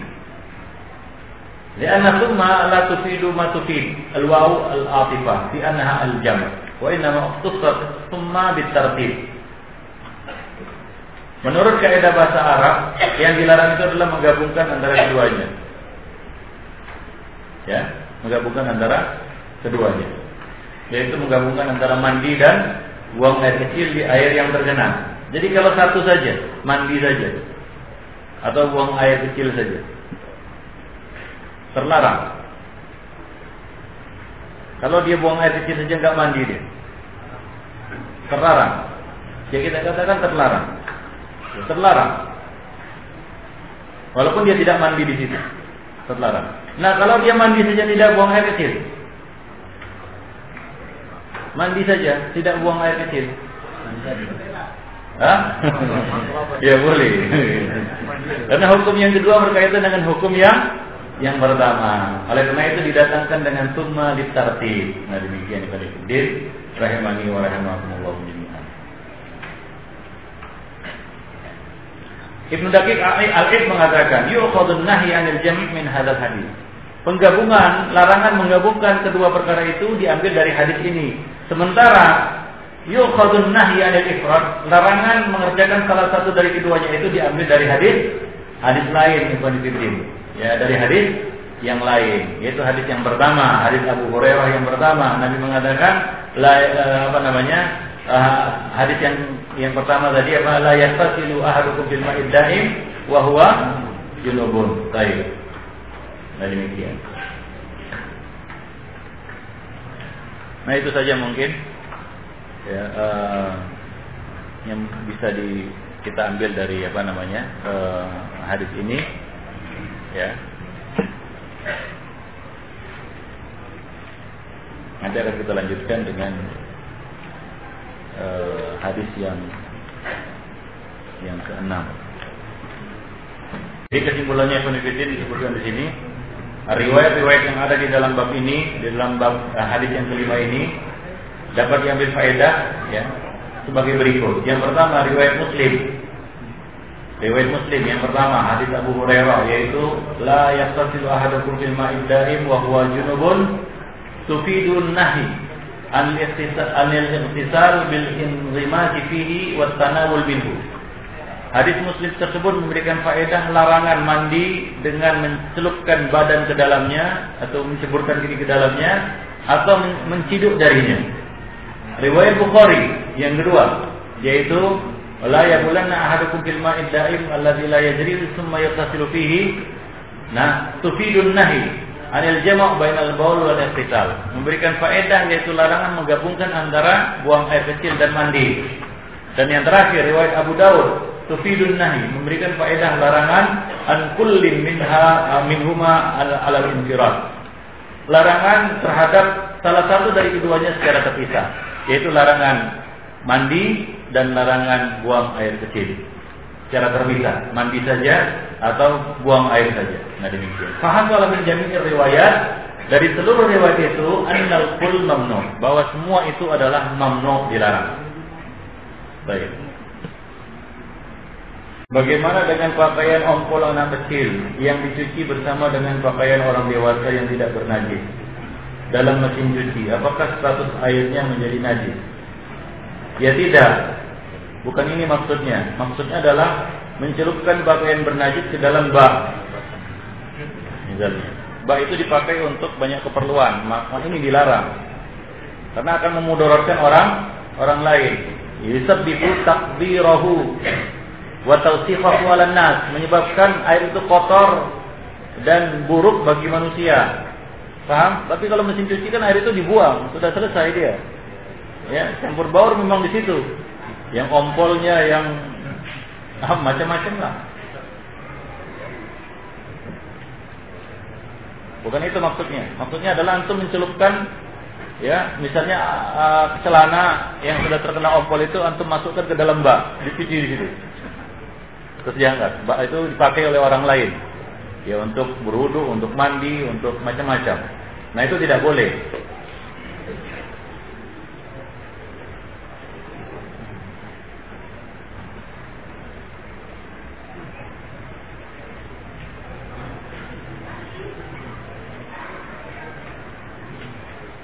Bagaimana bila sumur kita memiliki air yang sedikit tidak sampai dua pula? Kemudian masuk najis ke dalamnya, apakah air itu berubah menjadi tidak suci? Dan ini sudah kita sebutkan tadi. Kalau air sumur tidak ya, air sumur kan air ya, mata air yang apa? Sumur itu dalam ya, lebih dari dua pula itu. Kemarau gini sedikit airnya. Iya, boleh jadi. Baik, taruhlah bak. Ya, bak-bak kita tentunya tidak ukurnya tidak apa namanya tidak lebih dari dua pula ya. Bak misalnya. Jatuh najis ke dalamnya. Ya maka menurut pendapat syafi'i bak itu harus dikuras. Diisi lagi airnya. Ini menurut pendapat syafi'i. Kalau menurut pendapat yang lainnya selama tidak berubah warna bau dan rasanya pakai terus sampai habis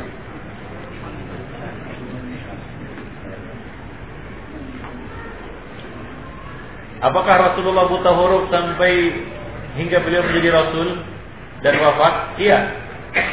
Nabi sampai wafat buta huruf. Nabi sampai wafat buta huruf. Dan sifat ini khusus bagi Nabi untuk satu hikmah. Bukan begitu artinya wah, kalau kalau begitu saya buta huruf saja lah meniru. Salah. Karena Nabi menyuruh kita untuk belajar menulis dan menyuruh kita untuk mengajarkan ya apa namanya ilmu menulis ini ataupun uh, mengajarkan tulis baca ini kepada bahkan kepada anak-anak perempuan. Kalau anak perempuan saja disuruh untuk belajar tulis baca, apalagi anak laki-laki yang interaksinya lebih luas daripada anak perempuan. Ya, nah demikian. Jadi ini sifat khusus untuk satu hikmah. Apa hikmahnya di sini? Nabi disifati dengan nabi yang ummi.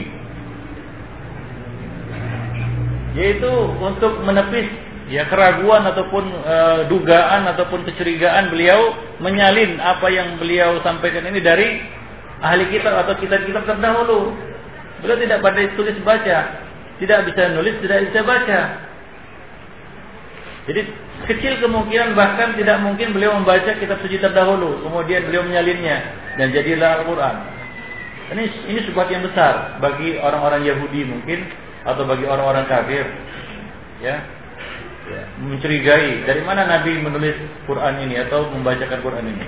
Ah, mungkin beliau menyalinnya dari apa? Dari kitab suci terdahulu. Kalau beliau menyalinnya dari kitab suci terdahulu, yang namanya menyalin menciplak pasti akan ikut salah sebagaimana nggak akan terhindar dari kesalahan dari apa yang diciplaknya. Akan tetapi ini berbeda. Apa yang dalam Al-Quran itu tidak sama dengan apa yang ada di dalam perjanjian lama maupun perjanjian baru. Ya, kesalahan, kesalahan yang ada di situ tidak tidak ada pada Al-Quran. Nah, kalau itu hasil salinan Rasulullah dari kitab terdahulu, pasti ada unsur salahnya di dalamnya. Sementara kitab ini Allah sifatkan la yatihil batil min baini yadayhi wala min tanzilun min hakimin hamid. Dijamin tidak ada kesalahan di dalamnya dari depan maupun dari belakang. Kalau itu hasil contekan namanya orang yang mencontek. ya kan begitu ya. Pasti ikut salah juga dia. Ketika contekannya salah.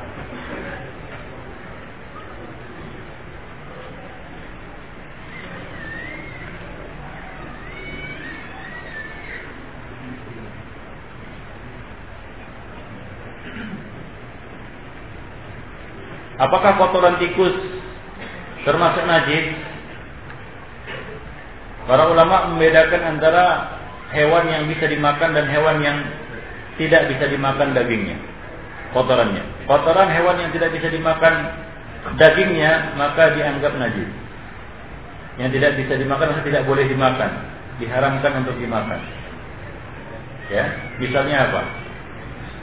Ya, uh, singa kan gitu ya badak uh, badak boleh dimakan kalau bisa.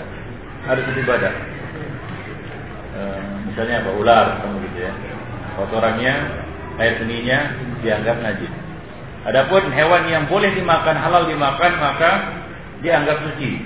Nah lihat hukum tikus bagaimana. Tikus boleh dimakan atau tidak?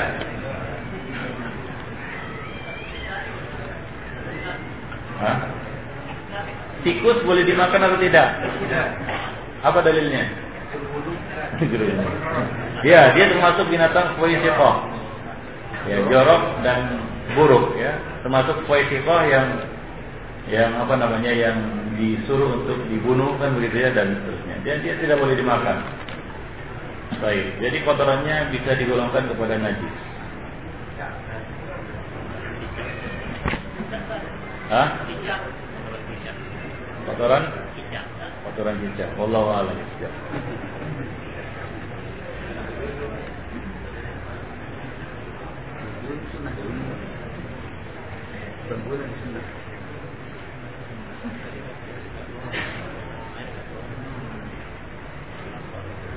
Bagaimana air pompa yang dihisap? Airnya berwarna dan berbau dan berminyak.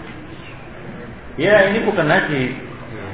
Ya, ini karena mungkin karena air tanah, tanah itu mengandung minyak kan begitu ya. Nah, boleh dipakai untuk berwudu. Karena sumur itu macam-macam, ada sumur yang bagus airnya dan ada yang tidak bagus, bau, kemudian juga eh, apa namanya? warnanya kuning kan begitu ya, bercampur lumpur. Ya rasanya juga nggak enak kan begitu ya. Tapi bukan karena najis. Jadi yang berubah bukan karena najis, tidak najis. Yang berubah ya hukumnya apabila berubah itu adalah najis. kuning kuning lumpur dengan kuning akibat tai kan lain.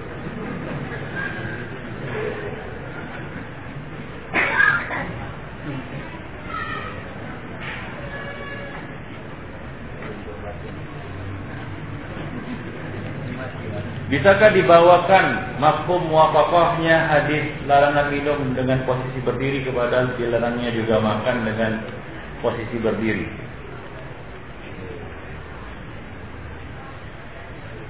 Ya kalau tidak ada dalilnya, mafhum mafhum apabila tidak ada dalil lain yang berdiri sendiri yang menjelaskannya maka bisa dipakai. Tapi kalau ada hadis ya maka mantuk muqaddamun alal mafhum. Apa? Mantuk muqaddamun alal mafhum. Iya mafhumnya seperti itu. Tapi ditemukan mantuk yang lahirnya itu membolehkan ya dilakukan oleh sahabat dan tidak ada yang mengingkarinya. Bahwasanya mereka dahulu makan sambil ber, berjalan. Nah demikian. Wallahu alam. Maka dari itu sebagian ulama mengatakan tidak mengapa dibedakan antara makan dan minum.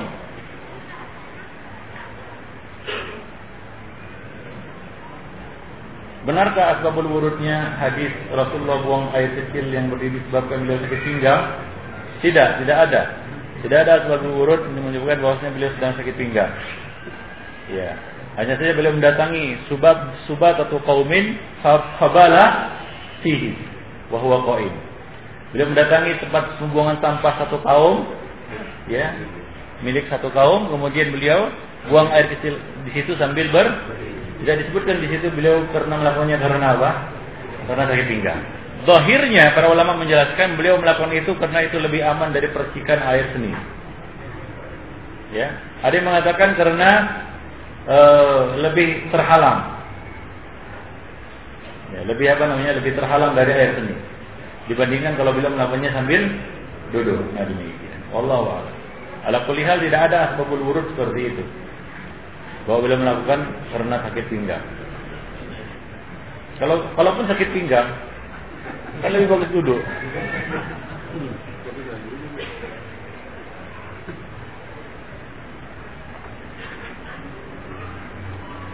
Bagaimana dengan air sungai yang jelas-jelas berubah warna, bau, warna dan rasanya? Apakah bisa digunakan untuk bersuci? Ini susah. Ini termasuk apa namanya bab yang kalau dikatakan uh, air sungai bisa berubah, gitu. Iya, susah dikatakan bukan itu. Ya, karena itu yang mengalir dan jumlahnya besar kan begitu ya. Kecuali sungai kecil yang besarnya cuma beberapa senti gitu ya, itu tidak dikatakan sungai. Ya, air atau apa begitu. Tapi kalau dikatakan sungai besar gitu, jika antum kata kedua sudah berubah, nah, itu agak sulit untuk mengatakannya. Ibn Fiddin azan ya Allah wa iya dunia. Seperti yang dikatakan berubah air laut kan gitu, susah juga. Nah, jadi tidak. Ya. Air sungai, ya.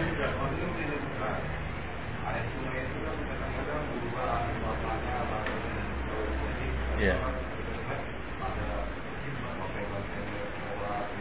Iya. Ya itu. Satu air sungai itu dia besar ukurannya, banyak volumenya. Yang jelas dia berlipat-lipat lebih dari 250 liter. Yang kedua dia mengalir. Ya, dan dianggap ya dengan mengalirnya air itu menyucikan air yang datang sesudahnya. Ya. Jadi faktor-faktor ini kita mengatakan bahwa air sungai ini sangat kecil kemungkinan dikatakan dia berubah. Nah demikian. Jadi silakan gunakan ya. Baik, kecuali sungai yang tak mengalir juga agak susah membayangkan sungai tidak mengalir. Sungai itu biasanya mengalir kan begitu ya, mengalir. Walaupun dengan aliran yang lambat. Baik. Ya.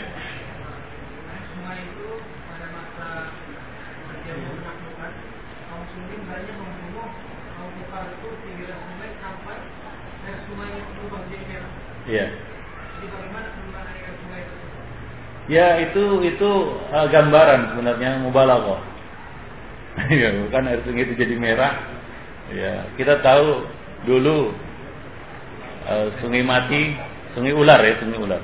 Tempat penjagalan PKI kan gitu. Tapi ya nggak ada sampai berita kepada kita ya yang hidup sudah mereka bahwasanya sungai ular itu berubah jadi merah. Kalaupun dikatakan itu bab kok Apa? kok Wah, air sungai itu jadi merah, nggak merah semua kan gitu ya. Sebagian kecil yang kena kena darah ya merah kan gitu. Dia mengalir dan selesai. Seperti itu juga sungai Furat, sungai Tigris yang dikatakan ketika penaklukan uh, sungai Efrat ya, sungai Efrat ketika penaklukan uh, Baghdad oleh oleh tentara Tatar disebutkan bahwasanya baunya itu sampai ke Syam. Bau bangkainya itu. Ya, kemudian bangkai-bangkai itu dilemparkan ke ke mana? Ke sungai. Hingga sungai itu dikatakan berubah warnanya. Ini mubalaghah. Ya. Sampai sekarang kalau antum pergi ke sungai Tigris atau sungai Efrat, sungai Furat, ya airnya normal kan begitu. Dia akan ke Antum tahu tidak sejarahnya bagaimana bangkai-bangkai manusia dilemparkan dalam jumlah ratusan bahkan puluhan ribu ke sumur Zamzam? Pernah terjadi dalam sejarah. Puluhan ribu mayat bangkai dilemparkan ke sumur Zamzam oleh seorang zindik. Ya, Ibnu Tahir namanya. Seorang zindik. Ya, Karamiyah. Uh, seorang uh, kita katakan uh, dari dari apa namanya dari uh, kalangan ahli bid'ah dia melemparkan haramita. Ya, dia melemparkan itu ada di mana? Saya sebutkan di uh, majalah sunnah kemarin itu ya. Ada ceritanya situ. Saya membaca majalah sunnah tentang ke kekejaman Syiah. Kemarin itu siapa yang baca? Ada yang baca? Ada ya. Nah, itu dilemparkan itu bangkai-bangkainya itu di sumur Zamzam hingga ya kita katakan 50 bangkai aja mungkin sudah berubah itu sumur. Ya, bagaimana pula kalau ribuan dilemparkan ke situ, pasti berubah. Tapi sampai sekarang oh, Zamzam masih digunakan. Diangkat diangkat bangkainya, ya, kemudian sudah selesai. Ya, nah demikian. Ya, karena air Zamzam itu air yang mengalir dan apa namanya berubah apa namanya berada sirkulasinya. Ya, sampai sekarang air Zamzam masih bisa di, digunakan. Jangan pula antum jijik karena karena apa namanya? Karena peristiwa itu. Ya, Baik. Itu pernah terjadi. Tapi tidak ada yang mengatakan air zam-zam berubah statusnya dari suci menjadi najis karena hal itu. Tidak ada.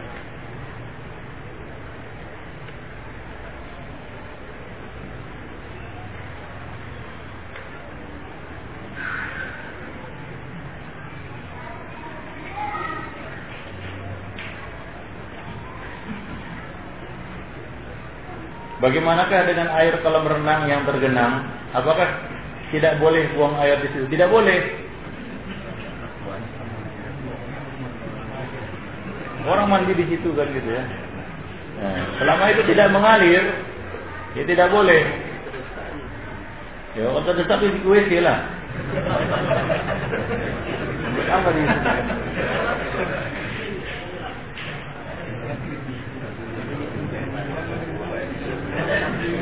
Ada yang mengatakan begini, Ustaz ada kamuritnya. ya sama saja.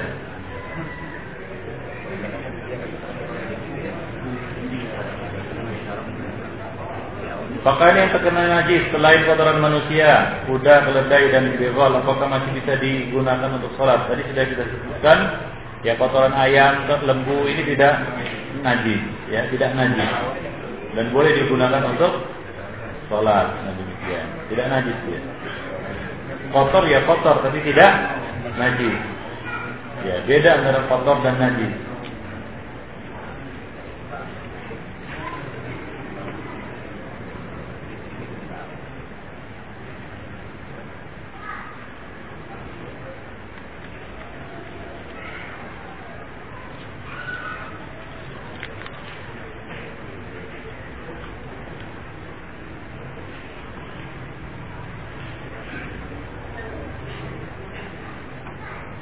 Air dua pula diminum oleh anjing. Suci atau najis? Apa jawabannya? Ya, kembali kepada uh, kaidah. Uh, ya, kaidah tadi. Kalau dikatakan di sini lebih dari dua pula, maka selama tidak berubah warna, bau dan rasanya tidak. Nah, tapi kalau di bawah itu kembali kepada istilah ulama tadi. Baik, mengenai anjing yang minum. Nah, di situ yang disamak apanya? Airnya atau bejananya? Bejananya jelas. Airnya bagaimana statusnya? Airnya? Airnya najis. Ya, liur anjing digolongkan najis. Ya. Bejananya di, diperintahkan untuk disamak. Akan tetapi najis ini kalau tidak merubah air tidak mengapa. Sama seperti uh, kita katakan setitik air seni jatuh kan begitu ya. Tidak merubah. Ya, lebih dari dua pula. Maka tidak mengapa. Ya, berdasarkan kaidah yang kita jelaskan tadi. Ya. Nah, Demikian juga kotoran anjing misalnya. Nah, para ulama mengatakan kotoran anjing dan air liurnya sama hukumnya, yaitu najis. Allah a'lam.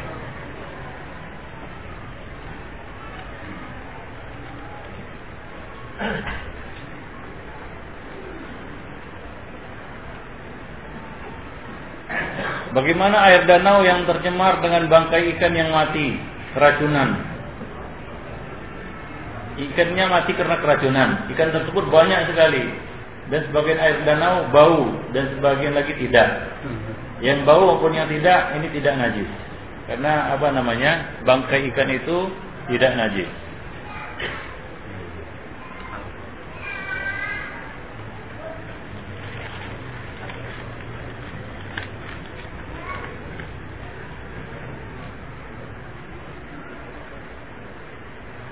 Bagaimana hukumnya mengajar di sekolah Cina?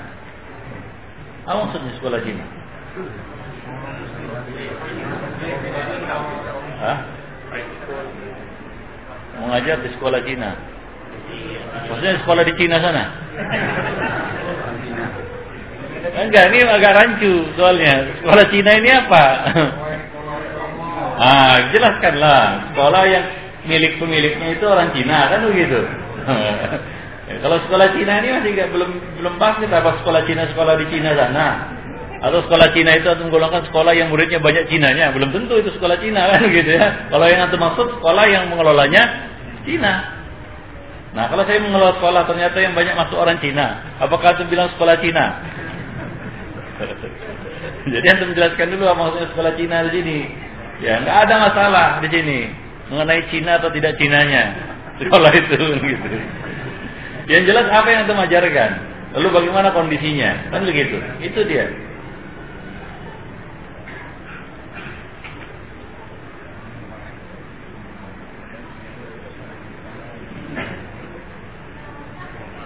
Ukuran air yang tergenang itu berapa pula? Gak ada. Tadi sudah kita sebutkan banyak maupun sedikit air yang tergenang kita tidak boleh ya buang air di situ dan mandi junub di situ. Nah, itu dia.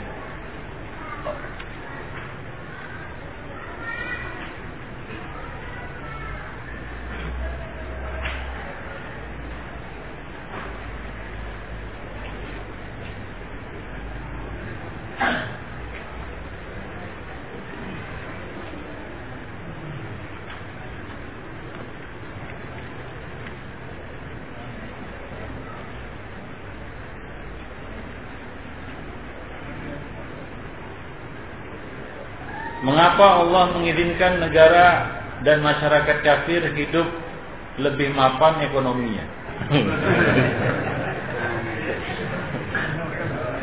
Tanyakan kepada rumput yang bergoyang Ya, ini fitina azani Allah wa iyyakum jami'an. Orang yang mapan ekonominya belum tentu senang hidupnya. Sepakat atau tidak sepakat? Itu. Ya, ada orang yang mapan ekonominya tapi nggak senang hidupnya. Ya, ada yang masih bingung dengan hidupnya. Kalau orang-orang barat sekarang mereka dialami kebingungan tentang hidup. Ya. Saking bingungnya mereka hingga mereka tidak bertuhan. Kalau ber, tidak beragama sudah lama. Nah ini tidak bertuhan, artinya tidak meyakini adanya Tuhan, alias ateis.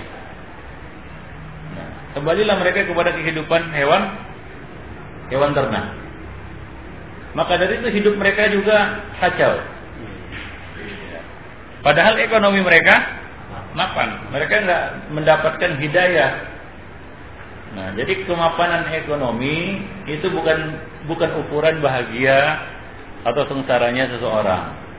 Nah demikian. Ada orang yang mapan ekonominya, akan tapi tidak dapat hidayah. Dia tidak dapat petunjuk, tidak mengerti untuk apa dia hidup, bingung, akhirnya bingung dia. Ya, punya duit pun dia nggak tahu untuk apa, kan begitu ya? Ya, dia gunakan salah gunakannya, mudarat kepada dirinya sendiri. Nah, akhirnya kebingungan. Ada yang bunuh diri. Nggak tahu lagi hidup untuk apa kan begitu. Nah, masyarakat barat kan seperti itu. Kalau di Jepang itu ramai bunuh diri. Nggak mati-mati dia Gak tahu lagi hidup untuk apa, ya bunuh diri saja. Kan begitu. Nah, mereka tidak kenal agama, secara ekonomi mereka mapan, kelihatannya maju. Nah demikian. Yang kurang dari mereka adalah hidayah dan iman. Baik. Walaupun kita katakan kemajuan mereka itu bukanlah sisi yang negatif.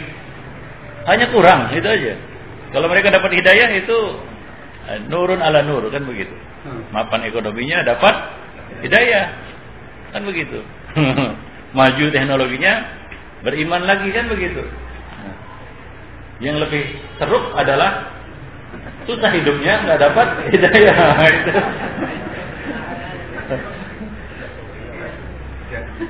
Kalau itu jangan tanyakan kepada rumput yang bergoyang. Tanyakan sama rumput mati.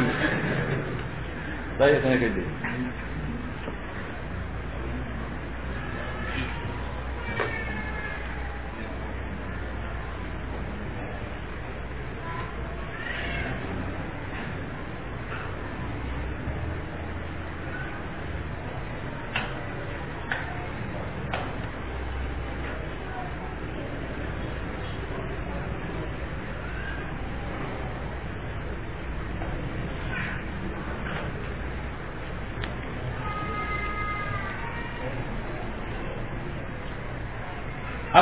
Hukumnya mendahulukan air dibandingkan batu dan daun bila kita menjumpai ketiganya bersamaan untuk menghilangkan najis? Kita katakan al aslu fi at-taharah lima. Ya. Benda asal untuk menghilangkan najis itu adalah air. Ya. Asal dari bersuci adalah air. Maka kalau antum menemukan air, batu dan lainnya, maka antum dahulukan air. Sahkah misalnya orang yang dia beristijmar walaupun di situ ada air? Ada air di situ, tapi dia beristijmar. Sahkah istijmarnya? Ada bak, ada batu. Antum buang air. Lalu antum pakai batu, nggak pakai air. Sahkah istijmarnya? Ada yang mengatakan tidak. Sah. Cuma khilaful aula. Ya, menyelisih yang oh, utama. Ya. Yang utama baginya adalah beristinja, dengan air. Oleh karena itu ulama-ulama Hanafiyah mengatakan digabungkan kedua-duanya. Ya. Sebagian dari mereka, sebagian ulama-ulama Hanafiyah bahkan mendahulukan istijmar dengan batu daripada dengan air. Apa alasan mereka? Alasan mereka air masih mengandung kemungkinan najis. Batu tidak kata mereka. Batu tidak mengandung kemungkinan najis, sementara air jelas mungkin masuk di situ najis. Maka mereka lebih nyaman istinja pakai batu daripada pakai air. Maka jangan heran kalau antum ke, ke Pakistan, ya masuk WC banyak batu berserakan di situ. Betul ini. Bahkan di lubang WC itu batu semua situ. Dan mereka di situ dikenal dengan WC berjalan di sana. Jadi mereka pakai celana besar, ya kan? Kalau mau kecil tinggal duduk aja begitu, kan ada ekornya kencing habis itu di di ustaz pakai batu sambil jalan kan gitu nah, ya udah, udah istimar dia. Nah, begitu dia pergi nampak di situ basahnya gitu. Ya seperti itu. Ya, antum maka lihat pemandangannya seperti itu di sana. Ya.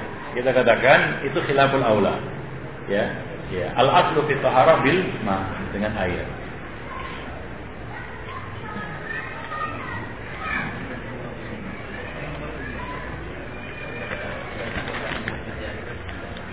Hanya saja kalau ya masalah berwudu ya jelas. Kalau ada air maka tidak boleh bertayamum. Ya bertayamum. Masalah raful hadas dengan taharah berbeda. Raful hadas itu bisa dengan ya kita katakan beristijmar demikian juga mandi junub ya tidak bisa dengan eh, apa namanya dengan tayamum apabila masih ada air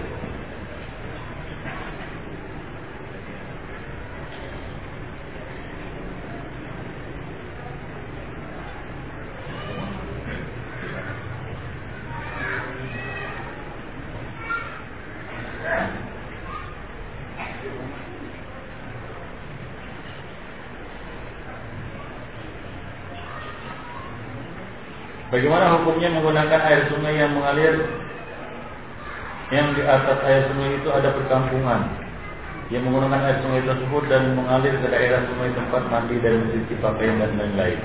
Ya boleh, air sungai boleh digunakan untuk kepentingan. Nah, sebagian tempat misalnya di Kalimantan mereka hidup di atas sungai. Ya, kalau mau masak air tinggal nurunkan timba saja. Timba naik. gitu. Gak tahu, ada juga seperti itu.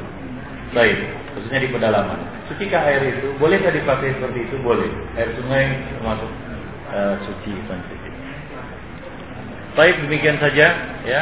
Nanti akan kita lanjutkan ya pada pertemuan yang akan datang ya. E, mudah-mudahan manfaatnya. Subhanallah wa bihamdik, asyhadu an la ilaha